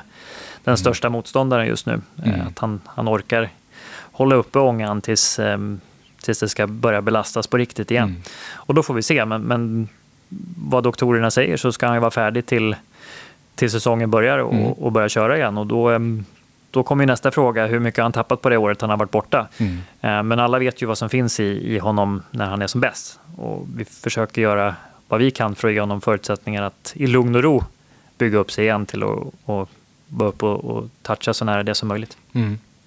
Ja, det är inte många hockeyspelare som tappar en hel säsong. Att det liksom är ett, ett helt år utan att det spelas någonting. Nej, Gabriel Landeskog skulle göra detsamma, just det. såg jag nu. Eh, Så Mm. det är inte bara i i Färjestad det händer Nej. Um, sådana grejer i år. Ehm, som det känns just också Mm. med det vi var inne på, hela den här skadehistoriken. Vi, det ska man också komma ihåg att vi, vi planerade lite för att vi skulle få in Mm. Mikael Wikstrand Mm. i, i, om inte liksom fullgott slag, så i alla fall eh, jobba sig tillbaka under säsongen och vara som bäst i, i någon gång efter jul, nyår. Mm. Men eh, så blev det ju inte. Och det hade ju varit en, en hyfsad förstärkning Mm. Om det hade blivit så. Så att med det sagt så, så var det också jättebra att få in Brandon Davidson som, Mm. som kunde ja, bredda backsidan på det sättet och, och, även spetsa till den lite grann med de defensiva kvaliteterna som vi eh, absolut trodde att, eh, att Viken skulle kunna hoppa in och ge oss. Så mm.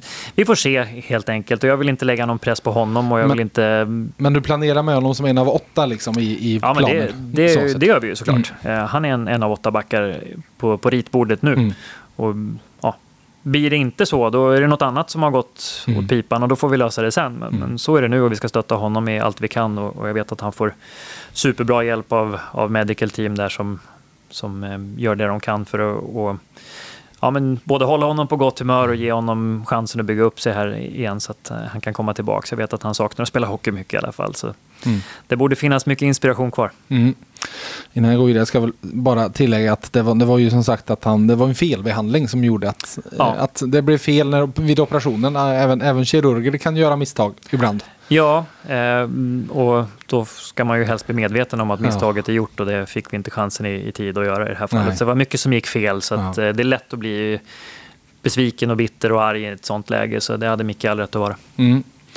Vi ska väl även nämna ett sista namn på backsidan som ju heller likt Wikstrand inte har spelat någonting eh, den här säsongen och inte på ett och ett halvt år överhuvudtaget. Nummer tre Jens Westin som ju fanns med på den eh, kommuniken om spelare som vars kontrakt går ut och inte blir kvar.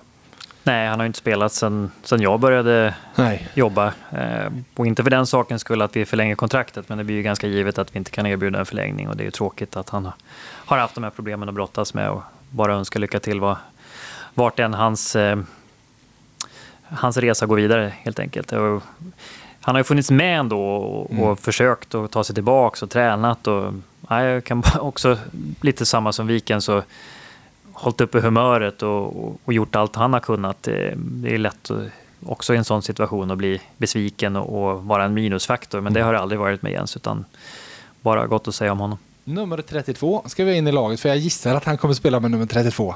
Eller? Börjar vi på nästa år nu? Nu tänker jag, ja, men Innan precis. forwards? Innan forward. Ja, men nu, ja. vi gick ju på för målvakter inför nästa år, så nu går vi på backar Jaha. inför nästa år.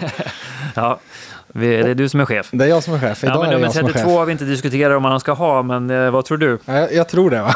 ja, jag tror det hade blivit ramaskri annars. Ja. Nej, det är klart han ska ha det. Och det är klart att det känns bra att han är tillbaka i stan. Jag träffade honom idag faktiskt. Just det. Ja.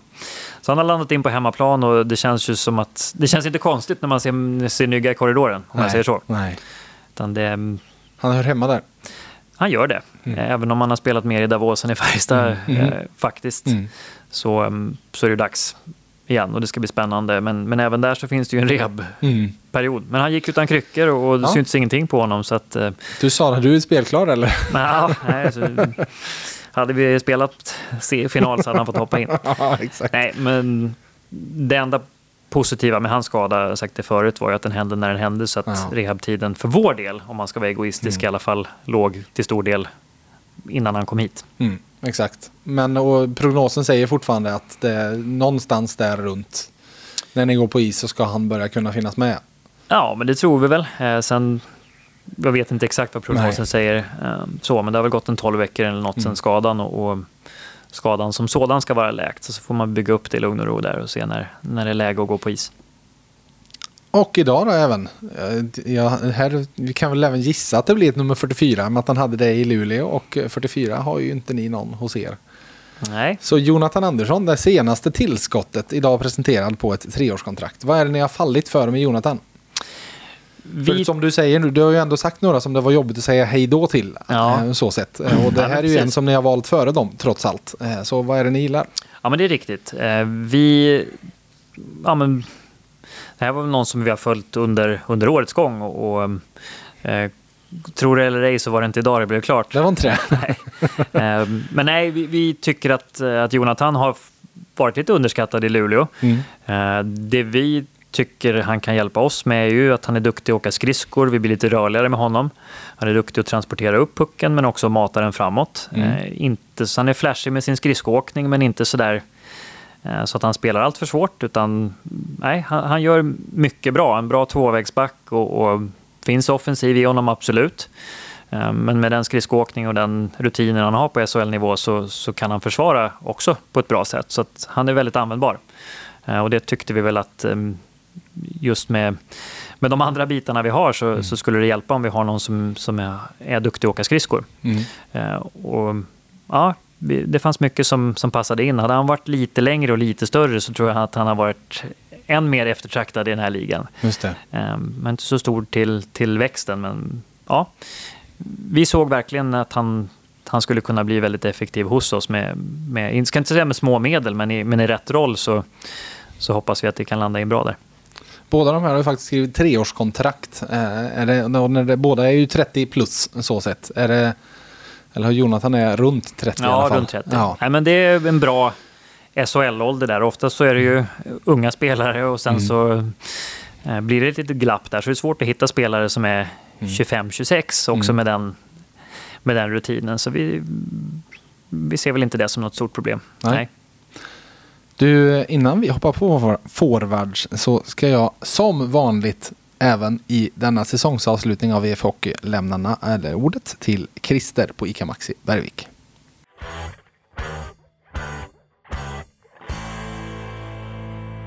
Hej! Christer med personal här. Vi på Maxi Karlstad älskar hockey. Och kunderna förstås. Nu har ni kommit halvvägs in i VF Hockeys säsongsavslutning.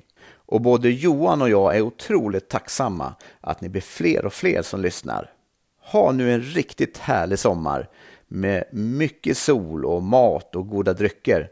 Så hörs vi i höst igen när äntligen en ny hockeysäsong drar igång. Och kom ihåg, googla lugnt.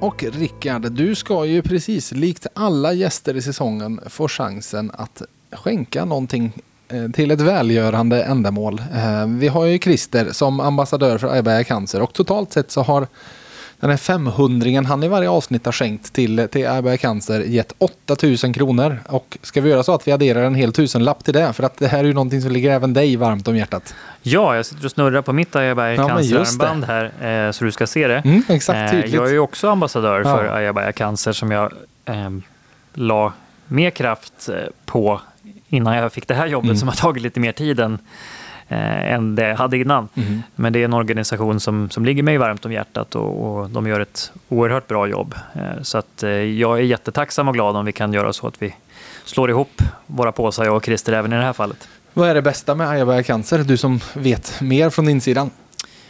Jag tycker att det, är det som tilltalar mig med Ajabaja Cancer är just det här att man ser helheten, medmänskligheten med både, eh, både den som är sjuk och hela, hela den jobbiga resan som man ska göra. Men när man är sjuk så behöver man ju ett lag som stöttar och man ska stötta mm. det laget också. Och det gör Ajabaja Cancer på ett mycket, mycket bra sätt måste jag säga. Eh, och det har, i, i de kontakterna jag har haft med både de som har varit drabbade och eh, när man har gjort saker för att samla in, alltså det finns en, det finns en positivitet i, i mycket mm. av det tunga också som, som jag, ja igen, det träffar mig väldigt mycket. Eh, så att, eh, nej, det, det behövs göras så mycket mm. för de här som blir drabbade, familjer som har barn som, som blir sjuka, som det är det absolut värsta en förälder eller ett syskon kan tänka sig.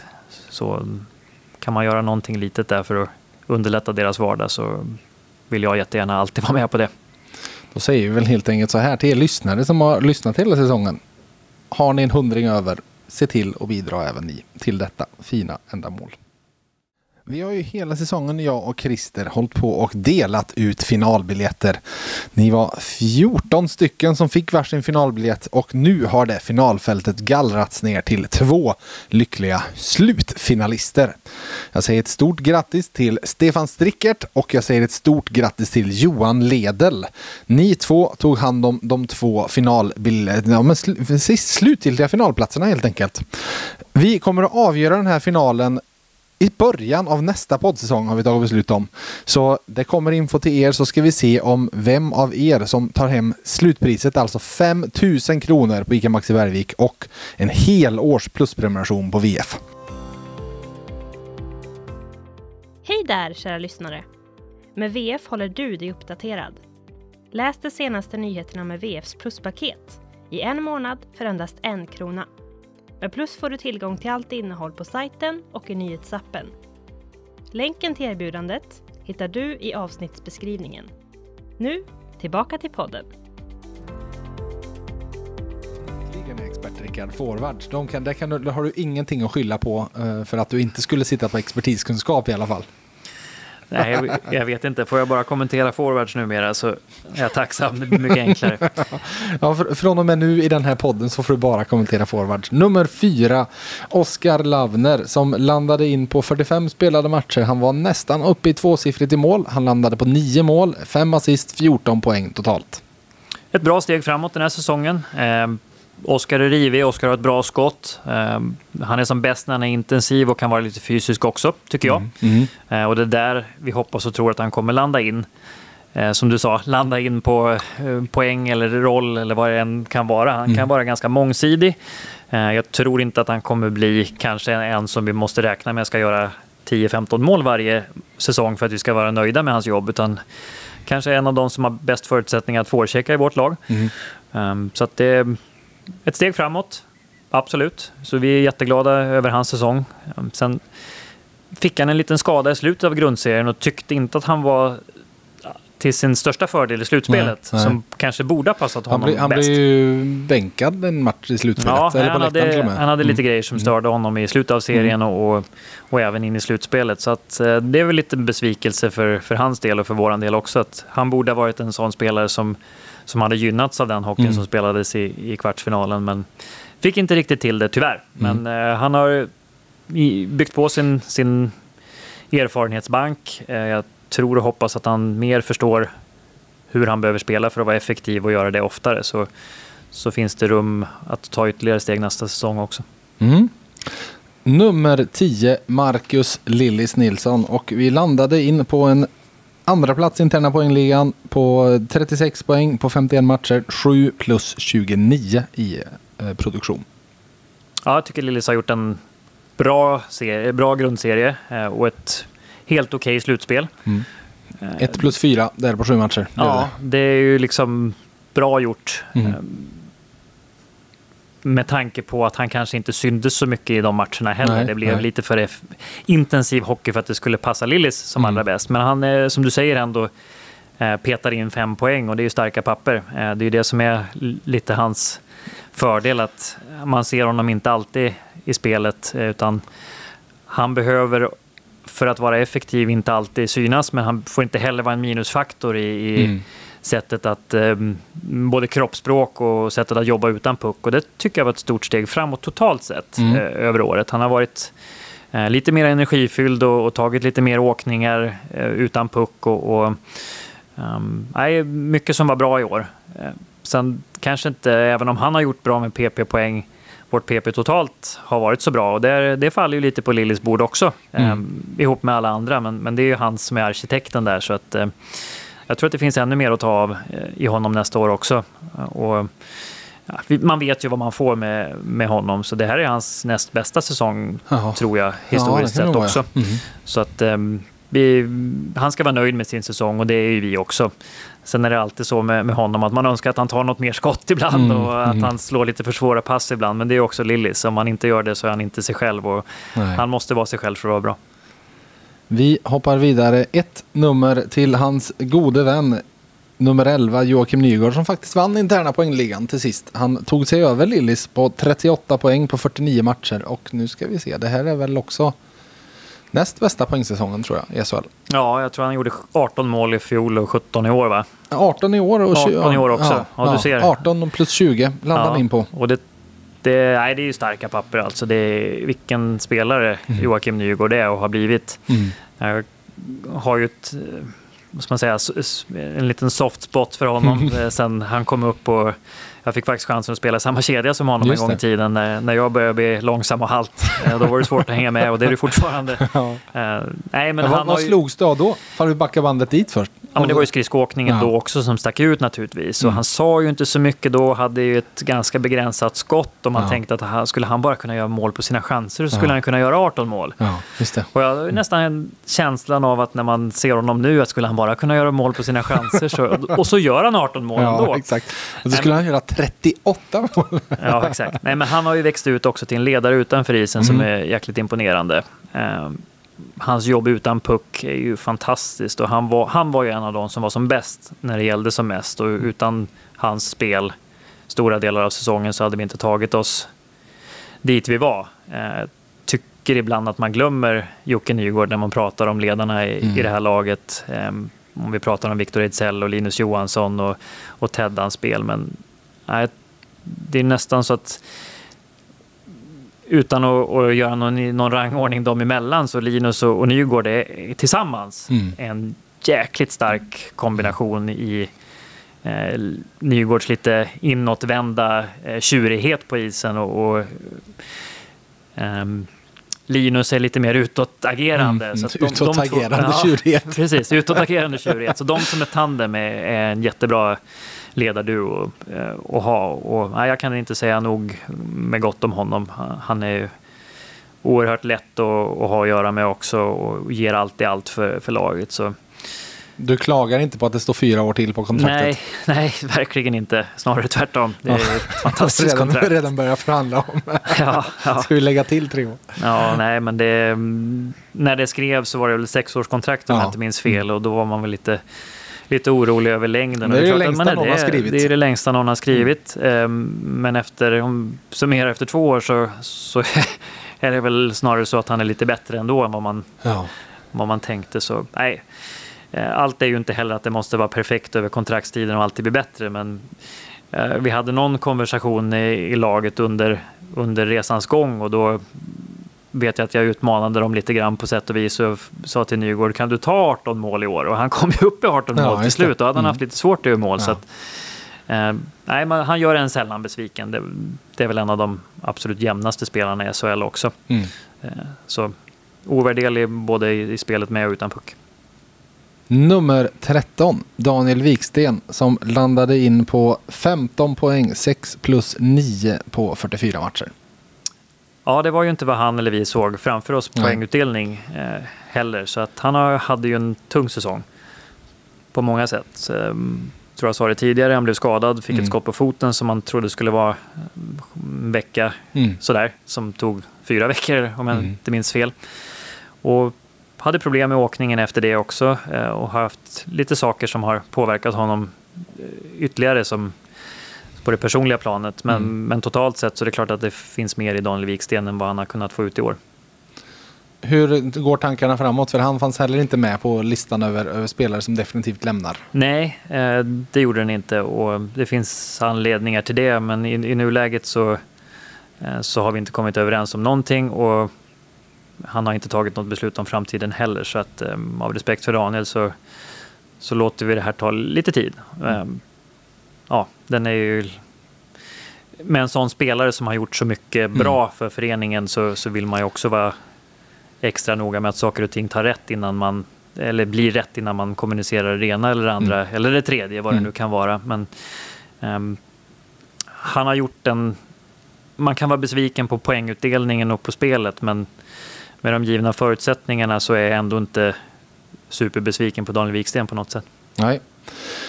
Vi hoppar framåt en siffra till nummer 30, Viktor Ejdsell som landar in på fjärde plats i interna poängligan. Han gjorde 13 plus 17, 30 eh, poäng alltså på 46 matcher. Vilket väl, ja vi ska se, det, han, han, ligger ju runt där. Han gjorde 37, har gjort det, det poängrekordet från eh, 21-22 och så gjorde han 34 i HV det året i SHL. Mm, nummer 14, Viktor Ejdsell. Eh, ytterforward eller center? Ja, men i center i år. Eh, stora delar. Jag tycker fortfarande att han är väldigt bra som center. Ja. tycker det finns jättemycket uppsida där. Mm. Eh, sen fick han slita lite grann med positionsspel i egen zon, eh, tekningar, mm. eh, lite andra saker. Men jag tycker att när han kommer med fart och får en djupt ifrån, han är inte bara en skytt utan en väldigt skicklig playmaker också. Mm. Så mm, hans kedja var ofta drivande i spelet och skapade väldigt mycket. Hade inte sådär superbra utdelning nej. Eh, under året. Så att, nej, bra säsong. Mm. Eh, tyckte att blev lite påverkad också av en, en skada längs vägens gång som gjorde att han missade lite matcher och, och kanske inte riktigt kunde spela sitt fysiska spel som jag tycker han är som bäst när han kan mm. addera. Mm. Mm. Kom inte loss i slutspelet heller, eh, som, som vi hade önskat. Så det går lite upp och ner med Viktor och det är okej. Okay. Mm. Eh, det finns alltid någon slags hjärta på rätt ställe eh, i, i, hans sätt att spela. Och han är också en av ledarna i laget som, som hjälper till med den, den gruppen som ser till att vi har en stabilitet och att man fyller i varandra när, när det inte klaffar för någon. Men det är klart att man tycker också att det, jag tror att det finns en nivå till mm. i Viktors spel. Mm. Eh, jag tror att han skulle kunna utnyttja sitt skott ännu mer. Jag tror att han skulle kunna bli lite rappare på fötterna och sätta sig i lägen oftare. Och jag har sagt det till honom själv och jag kan säga det till, till dig också att jag tycker att han är som bäst när han spelar in runt målet och inte ute efter sargerna. Nej, eh, så kan han ta sig in där lite oftare så är han ju han har få övermän i SHL i, den, mm. i slottet helt enkelt. Han, kan, han, är både skicklig nog med sin storlek och, och manövrerar på tajta ytor och skottet är ju förstklassigt där inne. Så, um, ser, ser positivt på framtiden um, för honom naturligtvis. Han har Ja, vi, vi, har väl ett val att göra om man ska spela center eller ytterforward. Mm. Och just nu så känns det som att det mesta pekar åt att han kanske flyttar tillbaka till, till, till vingen. Då. Mm. Och det är väl kanske det han, eller det, om man får välja själv så tror jag att det, det är hans första val. Mm. Jag tycker eh, just det du pratar om, med, med hans eh, fysik så tycker jag att den blir mer påtaglig när han spelar ytterforward. Ja, kanske. Um, men jag tycker även att han började säsongen med att kunna, eh, kunna vara lite mer fysisk på centerpositionen. Sen kanske han blev bränd några gånger och tyckte att det kostar för mycket kraft mm. att vara uppe och tackla och ta sig hela vägen hem. Jag vet inte, men, men uh, det är en stor kropp att flytta runt. Mm. Um, men det är också ett vapen. Mm. Uh, kunna... Det syntes, när, det var roligt någon gång i slutspelet när Christian Folin, som ju är van att kunna tackla lite som han vill i SHL eh, efter åren i NHL. Det var någon gång där han satte till mot Victor Rizell och där Ejdsell satt emot och det var Folin som föll, föll isen. Då fattar man att det, det, finns ganska mycket kraft i den där kroppen. Liksom. Ja, men det gör det. Eh, det finns väldigt mycket kraft i den där kroppen. Och det handlar också om att hitta den där perfekta balansen mellan att bibehålla den där kraften och också kunna transportera sig och orka transportera sig runt för att, för att sätta sig själv i, mm. i, i bra positioner ute på isen. Och det tror jag att det finns att slipa på fortfarande utan att det är några stora medel som behöver göras. Så jag tror att han utvecklas fortfarande. Mm. Vi hoppar fram till nummer 18, Remy Ellie, som till sist eh, med, med de matcherna han eh, missade så landade han in på 18 poäng på 32 matcher. Lite mer än en, en, en halv poäng per match, 6 plus 12. Ja, eh, jag sa det innan när vi pratade om Pocket. Det märktes ju att han saknades när han inte var i laguppställningen. Ja. Eh, och de 18 poängen där, det är klart att det hade man ju önskat att det var några till. Eh, men skapade väldigt mycket målchanser som borde ha gett lite mer utdelning. Både med egna målskyttet som vi har sett tidigare år, att hans skott inte riktigt eh, fick så mycket utdelning som, som vi förväntat oss. Och, eh, han, han ger något annat till vårt anfallsspel. Han är jätteduktig på att transportera puck. Eh, han vågar också hålla i pucken fast det kommer folk och ska, ska spela fysiskt för att eh, mm. man vill inte sätta emot Remieli heller för då riskerar man att och, på lite som du beskrev Ejdsell-tacklingen ja. där så åker man i backen själv. Så när han kom på hur han skulle spela i SHL, som det tog ett tag eftersom han mm. kom så pass sent, så mm, ja, jag tycker det, finns, det fanns otroligt mycket att gilla och, och jag, men jag har goda förhoppningar och, och, tror att vi kan hitta en lösning och, och, få behålla honom nästa år. Men det är ju min förhoppning och vi får se mm. vart, vi, vart vi landar in där. um, men igen, han, han ger något annat än, än de andra spelarna som vi har haft i laget och de andra centrarna som vi har haft i laget som gör att det blir en bra dynamik i laget. Sen växte han också mycket i, i både i mina och sina lagkamraters ögon när han kom tillbaka från skadan och spelade så pass bra med, med de smärtorna som han gjorde i slutet mm. av slutspelet. Så han var verkligen en faktor på de få minuter han, han kunde göra. Ja, nej, men det var, det var imponerande. Mm. Uh, och även där så tycker jag att han skapade några lägen som, som man kunde ha fått bättre utdelning mm. för än, än, vad han faktiskt fick. Så med en skicklig spelare, som, den kombinationen kraft och skicklighet, eh, den är bra och ovanlig i SHL på backsidan där så hade du några namn där det var lite så här att du inte, eh, ni har inte landat i någonting helt enkelt. Ni har inte landat i varken ett ja eller ett nej. Eh, här känns ju ganska tydligt att ni har landat i ett ja. Och har han fått med sig ett kontraktsförslag hem när ni diskuterade? Vi för diskussioner med hans agent, ja. Och hur, hur ser det ut? För det lät när jag pratade med Thomas häromdagen så, eh, så lät det som att ja, men det var snarare ja, hur NHL-faktorn och så vidare. Eh, ja, men det är ju också en, en en grej att få med sig någonting hem också, att man landar in själv, vad vill jag mm. som spelare? Eh, vad är nästa steg för mig? För som, han, han var ju tydlig när han kom hit att han, han kom hit med målet att spela sig tillbaka Ja. till NHL. Det var ju hans grund, individuella målsättning. Ja, det var ju anledningen till att han väntade så länge eh, med att signa någonstans Ja. också, att han väntade på ett NHL-kontrakt i somras. Mm. Eh, sen blev det SHL och sen blev det Färjestad. Eh, vi hade bra samtal med honom när han åkte härifrån. Jag vet att han trivdes bra, att han gillade att spela här. Eh, vart många plusfaktorer helt enkelt. Så att, eh, sen så, så är det så med bra spelare att de kommer ha att välja på. Mm. Eh, Så man kan inte lova någonting till höger och vänster, men, men vi, om jag ska lova något så är det att vi, där är vi ganska, eller vi är trygga med att vi vill ha tillbaka honom. Mm. Eh, Och gör ett försök till Kan- att det ska hända. Kan det bli, om ni, om ni lyckas komma överens, att ni skriver mer än ett år den här gången i så fall, när du har sett honom ett år? Ja, det kan det bli. Mm. Och det, till och med tre, två, tre. Det låter som allt är tre nu. Ja, exakt. Nej. Det är det nya två. Eh, nu, nu, ehm, nu har jag sagt för mycket. Nu har du sagt för mycket. Nej, det har jag inte. Men men de, förhandlingarna tar vi inte i, i varken poddformat eller i tidningsformat. Okej. Utan det, det, Det får vi se vart det, vart det tar vägen. Yes. Vi hoppar fram två nummer till en du inte behöver förhandla med på två år än. Nummer 20, Marcus Westfält, som eh, i sin debut, nej ja, vi kan väl säga riktiga debutsäsong i SHL. Han har ju faktiskt spelat lite i Brynäs när han var junior. Eh, Men nu gjorde 17 poäng, 9 plus 8 på 51 matcher. tycker han har gjort en superbra rookie-säsong i en lite otacksam roll där det var sällan samma kedjekamrater. Eh, ofta, ofta mycket starter i egen zon. Kämpat lite grann med tempot, inte kämpat med, men behövt anpassa sig till tempot i början. Ehm, skillnad i teckningscirkeln där han hade växt ut till att vara ganska bra i Hockeyallsvenskan. Har ju fått det inte att stämma lika bra i SHL, men det finns någonting att, att gilla där hur han tävlar och hur han spelar. Eh, gjort mycket poäng i lika styrka. Mm. Um, växte in i penalty kill. Så att ehm, jag är jättenöjd med hans rookie-säsong också. Um, var nog kanske, jag ska inte säga att det var mycket bättre än vad jag trodde. ehm, men hade jag vetat att det hade sett ut som det hade gjort, det var så landat in på. Landat in på Ja, men då, då hade vi tagit den säsongen nog Ja. sett. ja. Jag tror att, eller jag vet att det finns mer att hämta också där med, igen, en, en sommarträning. Ehm, Det är inte så att man inte tränar i Hockeyallsvenskan på något sätt. Mm. Men just det här att känna själv hur pass stor nivåskillnaden är i att, eh, att tempot höjs lite grann. Det tror jag är en supernyttig grej för alla spelare att få veta att det här krävs. Jag är topptränad i mitt lag i Hockeyallsvenskan, då kanske man är mitten i SHL. Mm. Och det är inte att de inte tränar, men det är bara att det krävs. Man, man anpa- människan anpassar De- sig. ja. Och, Det är bättre atleter generellt sett. ja, men lite så. Säga. Eh, Konkurrensen alltså, ökar och det kommer Mackan ta steg till nästa år också. ja. Eh, smart spelare, bra kille att ha i laget också. Har blivit pappa under året så har hänt Mm. mycket. Eh, Mm. så jag tror att han kommer vara väl bekänt av att landa, landa lite i sig själv här och, och en bra sommarträning. Så det ska bli spännande att se vart han tar vägen nästa år utvecklingsmässigt. Mm. En som är lite, har lite mer rutin av allting. Nummer 22, Per Åslund. Den här eh, säsongen så blev det 18 poäng, 8 plus 10 på de 35 matcher efter en lite skadefylld säsong.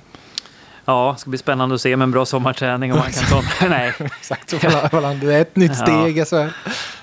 Alltså, Per Åslund blir man ju aldrig riktigt besviken på Nej. någonstans. Utan eh, började serien jättebra tycker jag. Eh, han och, och Ellie och Nygård var ju de som bar oss långa stunder under hösten. Eh, kom, kom tidigt överens om den här förlängningen. Kändes självklart för, för båda parter också att få bort den distraktionen. Eh, tyckte han verkligen hade förtjänat det och bevisat det. Och, och just med hans hunger i den åldern att, att vilja fortsätta spela så var det en, en självklarhet för oss. Mm. Eh, sen kom ju skadeproblemen på honom lite smygande sådär. Mm. Eh, och det var också en sån skada som man trodde att mm, ja, men han missar kanske en, två matcher och så blev det fyra veckor. Ja. Kom tillbaka och fick ett skott i pungen Mhm. eh, och kan inte spela på två matcher. Hur, Ja. hur stor sannolikhet är det? Ja. Så där lite grann, han kunde inte träna på fyra till sex veckor där ungefär. Och då märks det att man är 35 och Det känns som att han slet en hel del och jag såg på, han, han var ju ute på Mm. varenda ispass ni kunde Mm. ha här liksom på slutet. Hur fri, fri, det, var, det var juniorerna och Per Åslund typ. Eh, för det känns som att han ville, ah, det stämmer inte riktigt. Jag vill försöka träna och, och hitta rätt. Liksom. Nej, men det säger ju någonting om, om karaktären, absolut, att han, Ja. att han försöker. Eh, men det blev ju en också ganska markant skillnad i det lag som spelade slutspel i fjol när Per Åslund var bäst Mm. långa stunder. Inte för att han hade behövt vara det i varje match här, men, men det stämde ju inte för, för Per i, Nej. i slutspelet. utan Han sa själv att han kände sig kraftlös och puckarna som vanligtvis kommer till honom studsade ifrån honom hårdraget. Mm. Eh, Sen igen, jag är inte besviken på insatsen. Han gjorde allt han kunde. Det gör han alltid. Mm. Men var inte i form helt enkelt. Och, och han får läka ihop lite. Mm. Kommer ju inte ta samma kliv som Marcus Westfeldt i. Fysen.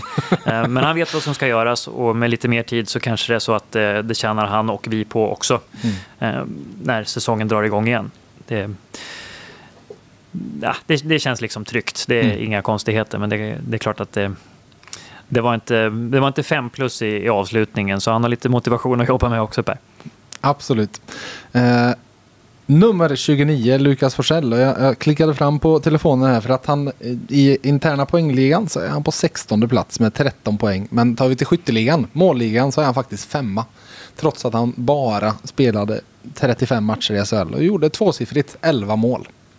Ja, eh, där snackar vi om en säsong med två ansikten igen. Eh, Och det, jag gissar att det här är ett sånt här, gud vad du kommer kunna lyfta fram det här i diskussioner med unga spelare med att ha tålamod framöver. Ja, ja, det kanske man kommer göra. Men det som jag måste börja med då är ju att berömma Lukas Mm. som själv... Om vi ska gå tillbaka, både berömma honom och faktiskt ge honom lite kritik också. Jag tror att han kom in i den här säsongen efter att ha liksom spelat några matcher och gjort det bra i SHL i fjol med lite fel förväntningar. Att han Mm. skulle göra de här 11 målen och, och Ja. Eh, Att nu ska det hända, nu måste jag få speltid och, och jag ska spela junior-VM. Jag vet att han var lite stressad över det. Mm. Eh, kändes frustrerad på träningsmatcherna, inte riktigt så involverad. Ehm, men sen så när vi kom fram till att vi försöker låna ut honom, kom överens med Karlskoga att det här blir en bra miljö. Mm. Eh, kom dit, jag var där och såg någon match och, och följde den på, de andra på tv. Tyckte han gjorde det bra, men att han inte riktigt fick utdelning. Men att det började hända någonting, att han var lite mera intensiv. Och sen när vi plockade hem honom där så var det ju egentligen, och det sa jag till, till Torsten i Karlskoga också, att nu tar vi hem honom och, och så får vi se vad det ger. Tanken är att han kommer tillbaka till er när vi blir fulltaliga. Men Ja, det var ju inte nära. var, det var ju kris då, Då första gången. Då hade liksom en, ing, ingen folk överhuvudtaget. Det var Nej. Växjö va? Borta Ja, där, tror jag det var, när han skickades ner. Ja.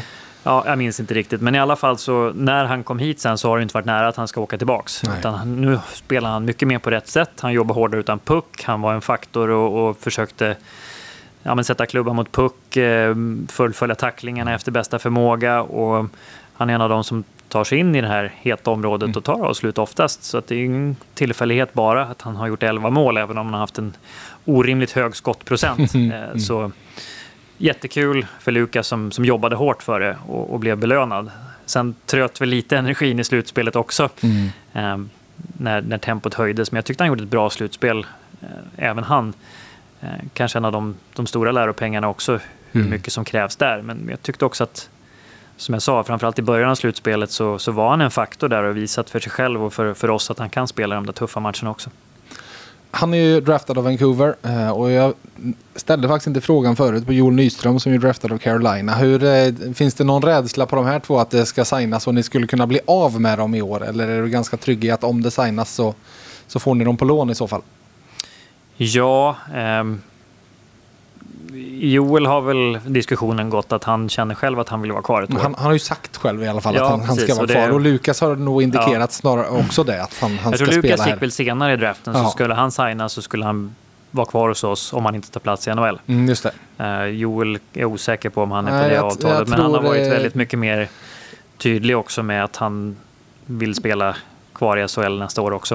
Mm. Så att eh, man, man blir alltid så här lite Mm. vad man ska säga och inte säga, men Mm. jag räknar ju i dagsläget med att båda är här och jag tycker verkligen att båda ska vara här för sin egen utvecklings skull. Mm. Vi, vi har roller att fylla för dem. Mm.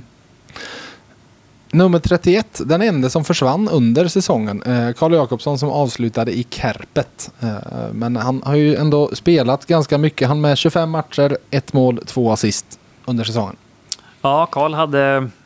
Han stod och stampa lite grann eh, efter en tuff avslutning när han inte spelade i, i fjol egentligen alls. Sen mm. Mittell kom in så, så hade vi ändå förhoppningar om att det skulle lyfta lite grann. Han gjorde en bra sommarträning och jag tyckte han försökte och jobba på. Absolut inga... Och hade inget... typ tre, fyra stolpskott ja, på hur? Mm. Så det lyfte liksom aldrig. Eh, och till slut så tror jag att han kände själv bara att det spelar ingen roll vad jag gör. Det, det går inte min väg ändå. Och den känslan var nog det som gjorde att han till slut kom och tyckte att nej, men nu, nu vill jag testa något annat. Och det var ju inga hard feelings från våran sida och inga från honom heller. Så att det är tråkigt när det inte funkar. Mm. Eh, så, men ibland så måste man gå vidare som sagt. Och, och, jag tror nog att det blev en ganska bra nytändning för honom också där. Och det är väl bara att önska lycka till framöver och hoppas att det Uh, att han hittar sig själv och hittar sitt spel igen. Jag tror att det är mycket som sitter i själv, eller jag vet att det är mycket som sitter i självförtroendet mm. där. Det finns ju mycket hockeykillen. Nummer 34, Mikael Linkvist som den här säsongen stannade på att ha gjort, eh, var har vi honom i listan? Nu ska vi sortera in.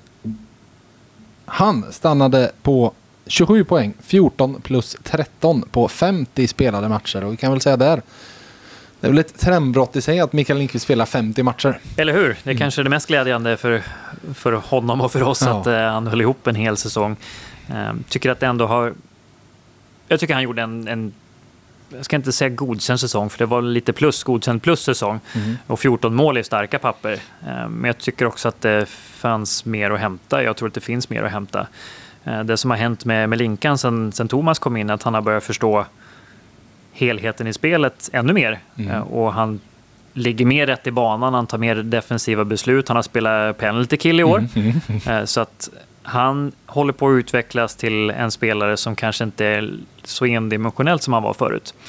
Kan vi hitta tillbaks till hans spetskompetens med målskyttet och sätta sig i lite bättre lägen lite oftare igen så kommer han göra ännu mycket fler poäng. Men totalt sett så är en plusfaktor eh, för oss nästan i all omgivning där. Det är väl powerplay-spelet som har, som har hackat lite för hans del, att han inte mm. kommer till, till sina, sina lägen och sätter sina lägen i den den mån som han har gjort förut. Men eh, annars är det också en, en sån här informell ledare i gruppen som, som hjälper till i, i den kärngruppen som, som driver laget framåt varje dag. Så, eh, en trygg och bra kille att ha, att ha i laget och lite sådär lagom småtjurig när det inte går som, som vi eller han vill. Så jag uppskattar honom mycket. Nummer 36, Jonathan Andersen, som jag tror det var väldigt många Färjestad-fans som inte visste vem det var vid den här tiden i fjol.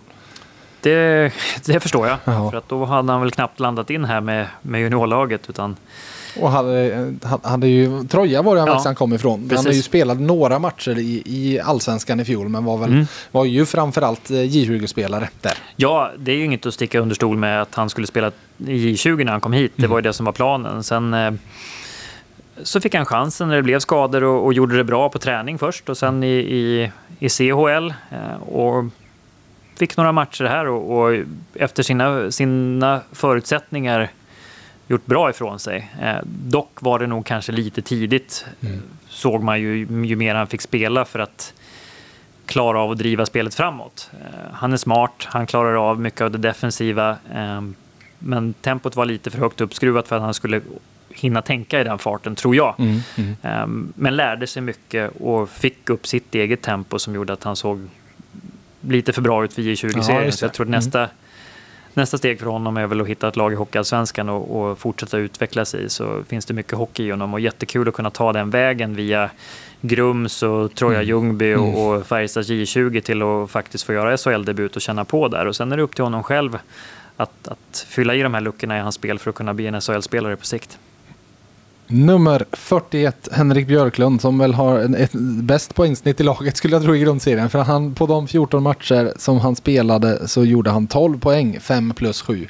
Och vad glada vi är över att vi faktiskt inte behöver sitta och prata om, ja vi får se hur det går med hjärnskakningen och så vidare. Utan att han faktiskt kom tillbaka och spelade hockey.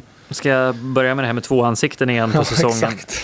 Tre ansikten. Tre ansikten ja. egentligen. Ja, nej, det är, till att börja med så är det oerhört glädjande att han kom tillbaka och kunde spela och mm. gjorde ett bra slutspel. Men nej, vi tog in honom från, från Karlskoga och man tyckte ju att fan vad spännande det här ska kännas och han var superladdad och gjorde en bra försäsong och började växa in i tempot och började få utdelning.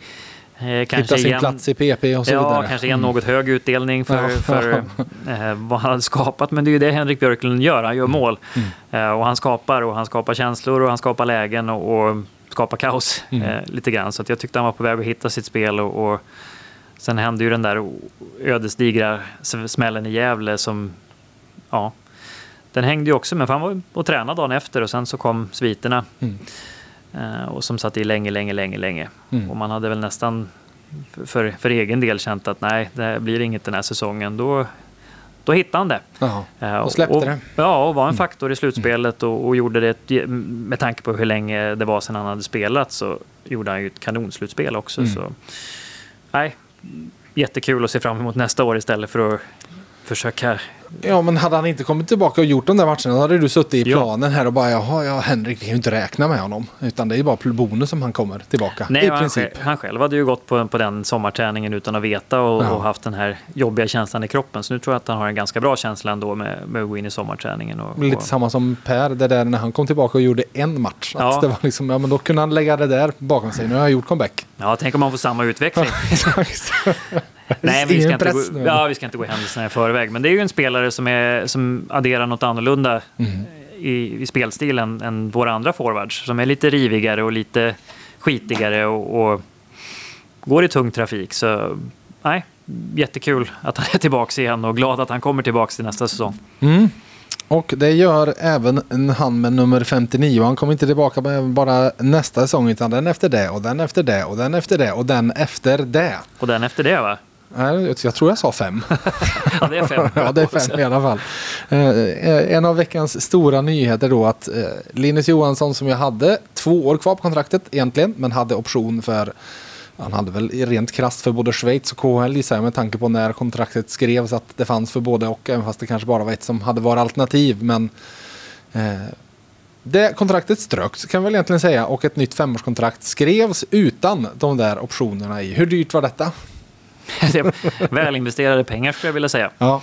Ehm, det är klart att, att det fanns år kvar på kontraktet, eh, men vi hade ju redan eh, jag och Linus pratat om att jag ville gärna se honom kvar efter det kontraktet också. Det fanns en liten abrovink på det sista året som, Aha, okay. som gjorde att vi skulle nog ha pratat vid om det ändå. Aha, ja. Eh, för att det skulle kännas rätt och riktigt för, för båda gå framåt. Nu blir man nyfiken. Vad är detta det här Ja, det kan det få vara för att nu är inte det kontraktet i spel längre. Eh, det var inget konstigt, men, men ehm, när, när man börjar fundera från mitt håll, det är klart när, när Linus ringde och sa att det fanns intresse så jag tror inte jag sov på två nätter. Ja, det var så. Mm. Nej, nu, nu är jag dramatisk, men det är klart att vissa fall så, så, um, så är spelare värda än mer helhetsmässigt än vad de kanske presterar bara i de här siffrorna som Erik kan presentera, mm. även om Linus siffror är bra. Eh, så, och dessutom så i samtalet med honom så hördes det ju tydligt att jag vill ju egentligen vara kvar. Ja, just det. Men det här är lite för bra, typ. Ja, jag ska, de dialogerna som vi hade, ja. men, men, som jag sa tror jag i... Ja, men det så här, det var, vi kan ju säga rent krasst, det är klart att det var intresse från Schweiz ja. då, och alltid när det är intresse från Schweiz så är det ju en lön där som du månad för månad aldrig kommer kunna matcha. Nej, på grund av att um, skattesystemet ja. så, så blir ju nettopengen för mm. de svenska spelarna i Schweiz högre, liksom det är för importerna i SHL så ja. blir ju netto, det blir ju lättare att betala dem nettopengar. Mm. Uh, så jag hade väl ändå liksom en känsla av att det är klart vi ska försöka och sen gjorde vi det ordentligt. Mm. Och, och, när två parter vill samma mm. sak mm. och kan tänka sig att kompromissa så långt det någonsin bara går åt båda håll, för det tycker vi båda har gjort, så landar vi in på något som känns väldigt bra för Färjestad. Mm. Verkligen. En, en rejäl grundsten. Jag sa inte siffrorna på honom, men det han gjorde den här säsongen. Det fanns ju eh, en viss skadeproblematik där också. Så antalet matcher blev 37, 15 missade. Eh, han gjorde 23 poäng, 4 plus eh, 19 på dem. Ja, det är klart att det, fyra mål är ju inte någonting Nej, det, som, man, det, som man inte kan hitta någon annanstans. Men, men, det finns så mycket annat som Linus gör. Mm.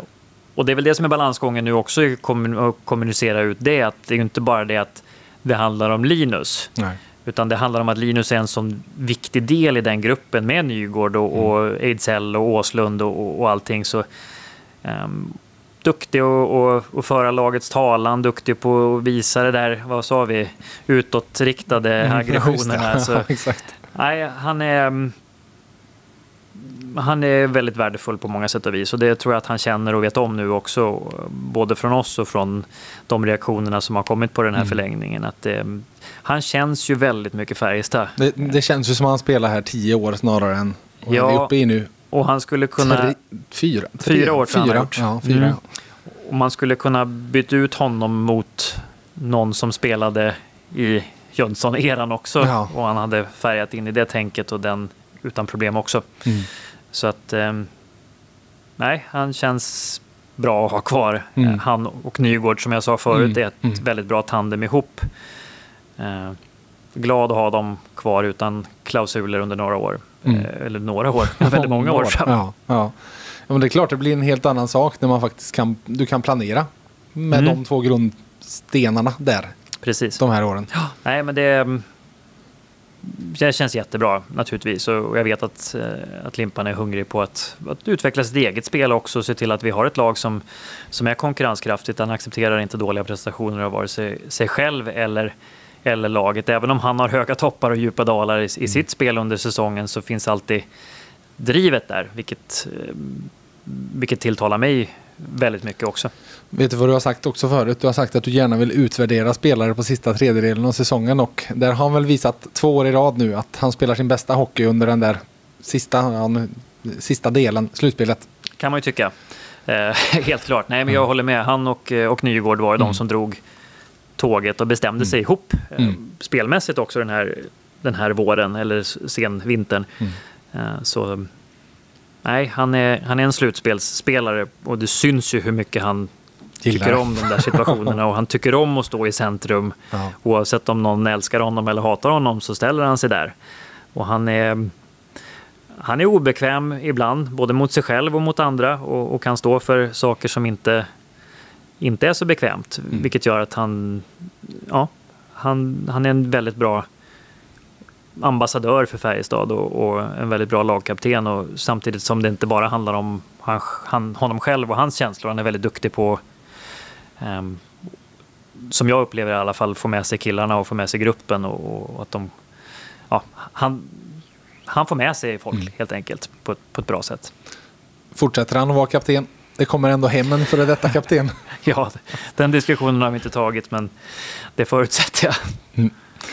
Magnus Nygren var ute själv och skrev min kapten om eh, förlängningen på sociala medier. Så det låter som att han i alla fall har, tycker att ni ska fortsätta. Så då, då kanske beslutet enklare. Ja, det är inte Magnus Nygren eller eh, Linus Johansson som bestämmer vem som ska vara kapten. Och, och man gör ju lite för stor grej av det här med kaptenskapet tycker jag också. Att det, Trots att du har varit. Ja, nej men helt ärligt så att eh, det, det, är ju, det är en för stor grej att vem som ska ha set. Men däremot så, så ska man inte hålla på och byta och hatta hela tiden. Nej. Utan det är skönt om det är samma kapten ett tag framöver. Framförallt när man har någon som står för För det har ni ju gjort. Det är ju typ Ja, tio kaptener på tio år. Ja. Sen, sen du försvann liksom. där. Ja, precis. Mm. Och, och det tycker jag verkligen är viktigt att man inte, även om jag säger, så jag säger emot mig själv här, Mm, mm. eh, men det är viktigt att ha lite samma ledarskap, att det inte ska bli någon prestige eller att det ska bli någon, någon grej utav det. Och det är det inte när Linus är kapten, upp- upplever jag heller, utan han, han gör det där på ett naturligt och bra sätt. Mm. Vi hoppar fram till nummer 79, eh, Patrik Lund, som på de 50 matcher han spelade gjorde även han fyra mål, 12 assist, 16 poäng eh, och har skrivit ett nytt ettårskontrakt här mot, eh, ja, någon, det är tag efter nyår. Mm. Han är som en eh, sån här schweizisk fickkniv lite grann, Peppe. Eh, han kan användas på otroligt många olika sätt. Eh, väldigt professionell, vältränad. Bra i omklädningsrummet med, med sin rutin och, och sin lågmäldhet. Tävlar alltid. Så att, eh, det finns inte, eh, inte mycket man kan säga negativt om Peppe. Det är en sån medspelare jag tror alla vill ha i sitt lag. Sen handlar det om att sätta honom i en position där han kan lyckas också. Han har också, liksom Westfält, varit lite eh, sån här som, som har fått flytta runt och, och få det att funka Han för var alla an- andra snarare andra än sig själv. ett tag liksom i slutspelet när Ja. Remeli var borta. Då var Ja, han uppe precis. där. Och, och gör det också på ett bra sätt. Ja. Men, ehm, Thomas Nej, det- var ju inne även där på det här klassiska center, ytterforward Ja, och så vidare. precis. Och Nej, att vi han är i innan- grund, grundtanken nu är väl igen det ni sa samma i fjol att Ja. vi ser honom främst som ytterforward. Jag tror att även han helst spelar ytter, Mm. eh, men kan spela center. Så att det är väl det som, som man har lärt sig nu också, att det är bra att ha många centrar. Ja. Det är alltid bäst med centrar. Ja, exakt. Eh, nej, men det kanske är bra att ha många det, någon- det är ju bra att ha folk som kan fylla in på Ja. centerpositionen, för det är den mest utmanande av forwardspositionerna i alla fall. Så, så att vi, eh, vi tyckte att det kändes ganska självklart att, eh, att ha honom kvar och sen ta det lite år för år och se hur utvecklingen går. Liksom. Och när vi pratade Lukas Forsell så han hyllade ju Peppe i någon Mm. eh, intervju här under året när han hade fått uppmärksamhet själv. Vilket jag tyckte var väldigt fint av Lukas och det Mm. också berättar lite om vem Peppe Lund är utanför prestationerna ute på isen. Han hjälper sina medspelare och han bryr sig väldigt, väldigt mycket om laget. Så att, eh, det är också en sån här en klassisk Färjestad-spelare Mm. från förr, fast det kanske, eller inte kanske, en helt annan tappning än, än Limpa. Mm. Nummer 82, Jasse Ikonen som kom in under säsongen från Linköping. Han hann till sist, eh, vad landade han på i antal matcher? Han hann spela 15 matcher, tre assist gjorde han innan det sen. Han, han spelade väl, jag tror faktiskt han spelade alla matcher från han kom fram till sista seriematchen och sen spelade han inte en sekund i slutspelet. Nej, Jasse kom in när vi hade enorma skadeproblem eh, och tanken var just att han skulle kunna spela både center och, och vinge beroende Mm. på vad, vad vi hade att ställa på benen. Sen blev det mest vinge eh, och jag tycker att han visade väl ungefär prov på det vi trodde när vi tog in honom. Det var en eh, det var ett måste att få in hjälp Mm. helt enkelt och, och det var inte tanken att han skulle komma in och vinna skytteligan. Nej. Sen var det ett nytt spelsystem igen för honom i en ny liga, men tycker det, fanns saker att gilla med honom. Eh, väldigt, väldigt enkel kille att ha att göra med också som växte in i laget snabbt, glad, positiv. Eh, gjorde sitt jobb helt enkelt och, och fick väl kanske inte heller det att lyfta helt spelmässigt som, som man hade hoppats, men jag är heller inte, eller absolut inte besviken på, Nej. på det han gav, utan det blev en sån här Okej, okej. Mm. Eh, och en, igen, lite otacksam roll eftersom det blev en stor rotation på, på kedjekamrater till höger och vänster. Sen blev vi ju friska till slutspelet, vilket gjorde att han inte fick spela. Nej. Och jag tror att, nu är det inte så att jag skulle ha spelat honom istället för någon av dem som fick Nej. spela, men jag tror att i sådana matcher så, så hade hans erfarenhet varit bra. ja, ja men exakt. En man kvar, nummer 81, Erik Engstrand. Eh, 91. 91, 81, herregud. Eh, Vi har gått igenom många Ja, nu så nu, nu börjar det bli- nu, börjar det bli snurrigt i huvudet. Ska vi se om vi får siffrorna rätt på honom. Sen han kom från Malmö så spelade han 28 matcher, han gjorde 7 poäng, 2 plus 5. Mm. Och vi kan säga även där då, Jas Ikonen har ni sagt tack och hej till eh, officiellt. Erik Engstrand var heller inte med i den eh, kommunikén. Nej, nej, men Jasse blev det ju ganska klart med att vi kommer inte kunna behålla, eh, eller ja, känna att det finns en väg framåt eh, för honom hos oss. Eh, Med Erik Engstrand så tycker vi att vi inte riktigt är klara med vad vi ska fylla på med i laget. Mm. Eh, Det vi tog in, kombinationen med eh, fina händer och lite fart och lite kraft. Det var det vi såg framför oss och jag tyckte vi fick se mer och mer prov på det längs vägen. Han var lite när han var stukad när han kom hit från Malmö, eh, självförtroendemässigt. Tycker att eh, han kanske inte helt hade förstått hur han skulle spela för att vara som mest effektiv, men att det började hända saker. Sen skapade han väl också rätt bra lägen för att prestera mer än de där sju poängen som, Mm. han, som han gjorde. Så mm, fortfarande lite nyfiken på vart Erik Engstrand tar vägen, men det både han och vi måste komma på är att kan vi erbjuda en sån roll där han kan fortsätta utvecklas i, tycker vi att det är bra nog med det som, eh, som han har nu eller behöver han spela mer någon annanstans? Så ja, vi funderar lite ytterligare. Um, han behöver bli lite, lite intensivare, lite skridskostarkare, lite mer fysisk oftare så Mm. skulle det kunna bli en riktigt bra SHL-spelare. Mm, för det känns som att det finns många verktyg i lådan. Ja, det, det gör det. Så den, den stora grejen är väl just det här, som jag säger igen, Oftare. att förstå hur, hur man måste spela Mm. för att göra sig själv rättvisa så ofta som möjligt. Det är ju oftast den, den stora nyckeln för att, för att bli framgångsrik på elitnivå, att spela till sina styrkor så ofta som möjligt. Men det blir extra talande på en sån eh, en sån karaktär med den stora kroppshyddan och den ändå fina teknikbanken som han har. Sen vi pratade senast så har det blivit klart att ni spelar COL nästa år också. Eh, när vi pratade då så sa du att det är 14 forwards ni tänker att gå in med. Är det fortfarande 14 även när du vet att ni ska spela COL? Ja, alltså det här har vi diskuterat förut, du och jag och Ja, eh, många, många med mig. Ja. Eh, hur många forwards kan man ha? Man, kan man ha tre senior-forwards som sitter utanför laget när man börjar, när alla är friska? Mm. Det är väldigt svårt att hitta de bra spelarna som är beredda att vara i en sån roll. Mm. Eh, så att när man får skador och slitage, då, då måste man ju vara beredd att rotera Mm. mycket mer på spelare i truppen. Eh, och det är inte hockeyspelare speciellt pigga på Nej. i vanliga fall. Så att det där är... är Det är typ importer i Schweiz där det händer i vissa fall att de ja, har och de sex är inte importer. jätteglada, Nej, det kan jag exakt. säga, när de inte får spela. Eh, då ringer agenterna ganska snabbt tror jag Ja. och letar nya platser. Eh, men ja, vi, vi får se lite grann eh, hur det blir. Mm. Jag har inte...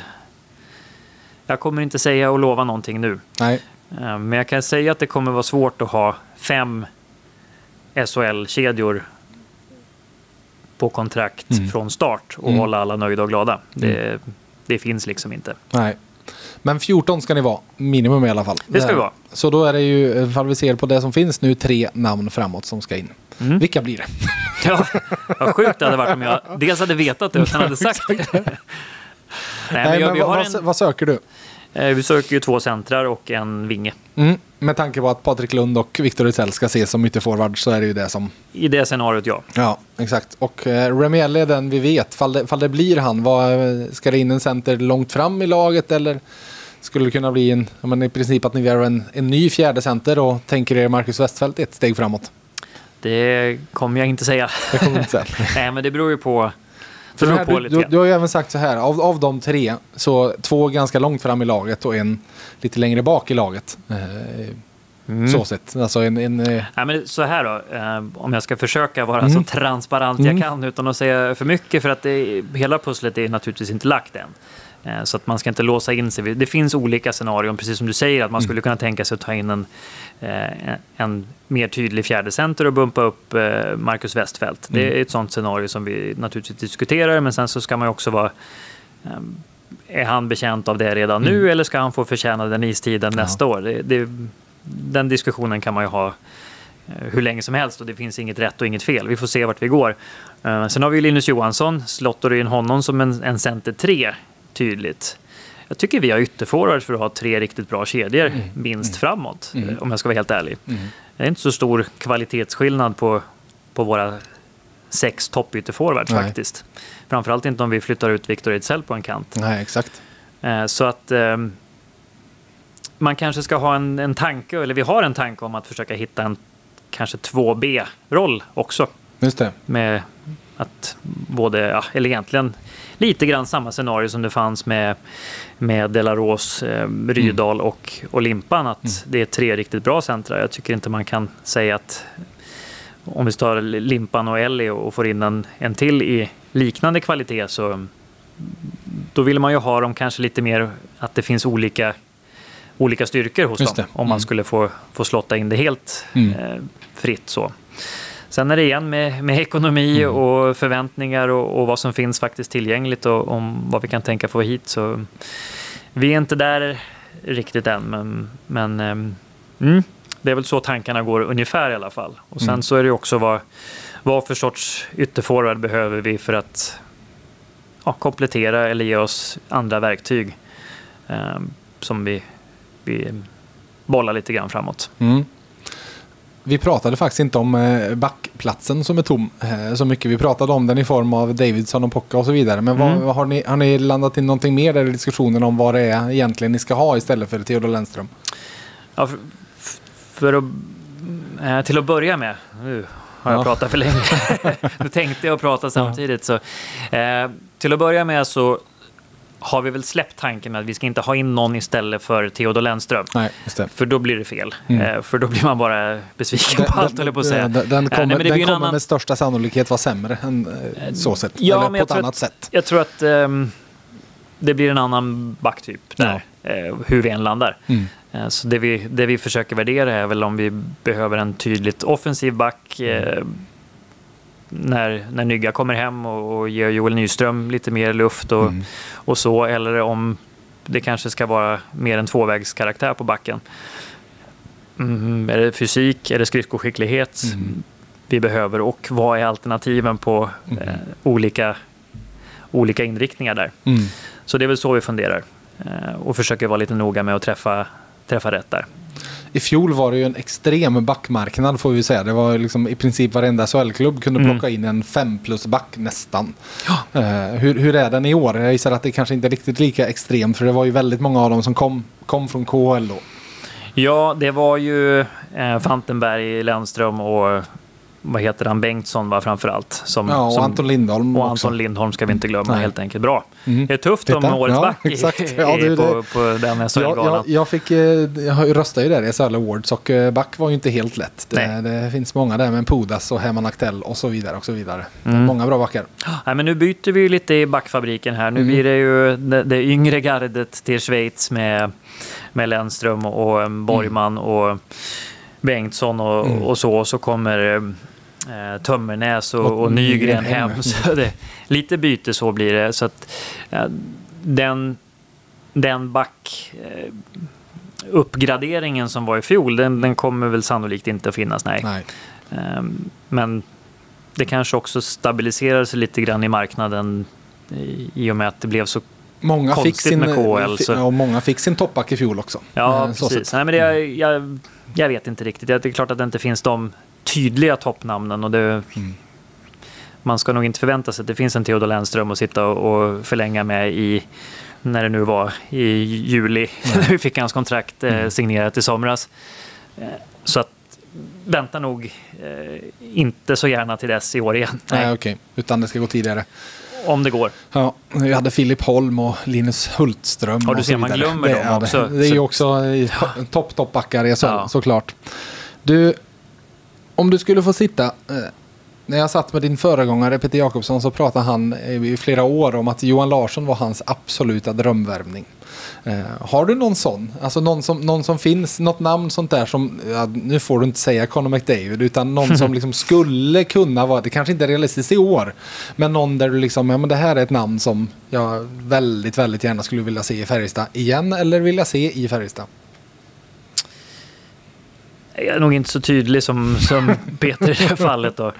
Eh, den kopplingen med gotlänningar kanske också var... Ja, exakt. Han kunde ju, de var ju ute och golfade varje sommar. Så Ja. att det var, Nej, jag har nog inget sånt bra namn. Det är klart att man, man lätt kan säga en Oskar Sten eller en Rasmus Asplund eller någon av våra killar där borta som skulle Mm. antingen känna att man hamnar lite på, på, på sniskan i, i NHL och, och komma hem och hjälpa Färjestad istället. Det hade ju varit hade Oskar Sten haft utgående nu hade han ju varit ett namn alla hade pratat om. Men nu har han ju ett år till på envägskontrakt. Ja, och har varit uppe och gjort mål och matcher gjort nu. bra ifrån sig. Ja. Så att, ehm, Och är NHLs bästa lag som säger att de vinner Stanley Cup så kommer de att tappa lite folk och så vidare och så vidare. ja, det är ju det som är kruxet där borta, att det gäller att få chansen i, i Mm. rätt lag också.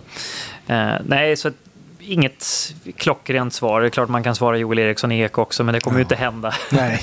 Eh, men det är ju, ja, jag tycker det, det är väl drömmen som att sitta på den här positionen, att hitta, och det är egentligen inte så svårt då om det kommer en kille som är eh, som har ett Färjestad-hjärta och vill komma tillbaka. Då är det inte så svårt att sitta i min position Nej. och hitta, hitta en lösning eh, faktiskt. Utan nej, jag, jag har ju nog inget sådär drömnamn utan det ska bara passa. Jag får, får jobba med, får med lite mindre medel. Vet du vad Rickard? Då har vi bara en sak kvar. Nu ska vi tävla. Oh, i år igen. Såklart vi ska. Jag ger dig papper och penna. Och du vet ju precis hur det går till. 10, 8, 6, 4, 2 poäng. Och eh, vi är på väg till en spelare. Fick du nu? Jag skulle säga hockeypersonlighet men nu har jag ju sagt spelare så nu kan jag liksom inte osäga det. Så det är en eh, hockeyspelare som är det rätta svaret. Är du redo? Ja. På 10 poäng. Har gjort 216 matcher i SHL trots att han bara är 23 och inte spelar i ligan. Har garanterat täckt skott och känt fantomsmärtor. Har gjort 216 matcher i SHL trots att han bara är 23 och inte spelar i ligan. Har du något svar på 10 poäng? Nej, det har jag inte. Nej, då kör vi 8 poäng. Har spelat totalt 16 minuter och 40 sekunder NHL-hockey. Både senaste veckan och i karriären. 16 minuter och 40 sekunder NHL-hockey. Både senaste veckan och i serien. Du skriver någonting. Är det ett svar du vill eh, nämna på åttan? Eller Mm. låsa in på Jag, åttan ska jag säga. jag låser in. Du låser in på 8 poäng. Yes. På 6 poäng. Har vunnit både brons på U18-VM och JVM och har brons, silver och guld från SM. Du nickar lite nöjt där borta så vi fortsätter väl på 4 poäng.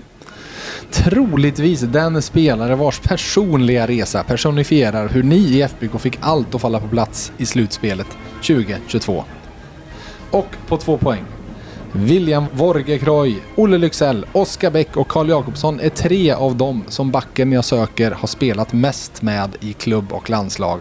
Och Rickard sitter och ler på andra sidan och visar upp lappen där det står Adam Ginning. Där är det. Ja.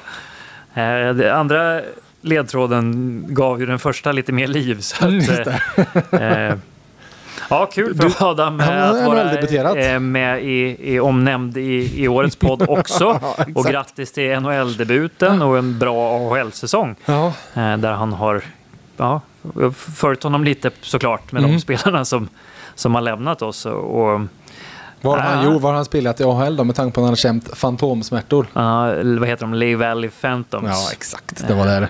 Det är väl den enda ledtråden jag tror jag behöver förklara av alla de här ledtrådarna. Ja, de var ganska generösa. Var- ja. måste jag säga. Nej, men kul. Eh, bo- både att jag inte behövde sitta med, med skämskudde här och eh, som sagt att, eh, att Ginning har fått göra NHL-debut. Mm. Det är klart vi måste avsluta poddåret med positiva och glada känslor, eller hur? Ja, man blir glad när man tänker på honom. Det, det blir man. Du Rickard, stort tack eh, för eh, denna säsong och eh, denna långa, långa intressanta podd. Ja, men tack själv. Det är alltid spännande att få vara med och, och prata hockey och jag tackar alla som har lyssnat på din podd och, och följt oss genom Mm. den här säsongen också. Hoppas vi ses igen till, till hösten om ni kan ge er till tåls. Exakt, och det är det jag ska avsluta med att säga själv också från VF Hockeys sida. Stort tack till alla er som har lyssnat. Eh, Vi är tillbaka till hösten igen. Vi har planer på att försöka få till det vi, vi fick då med en livepodd. Så håll utkik i sociala medier så hoppas vi att det ska kunna bli av där innan säsongstarten. Tills dess, ha en så bra sommar hörni och ha det gött!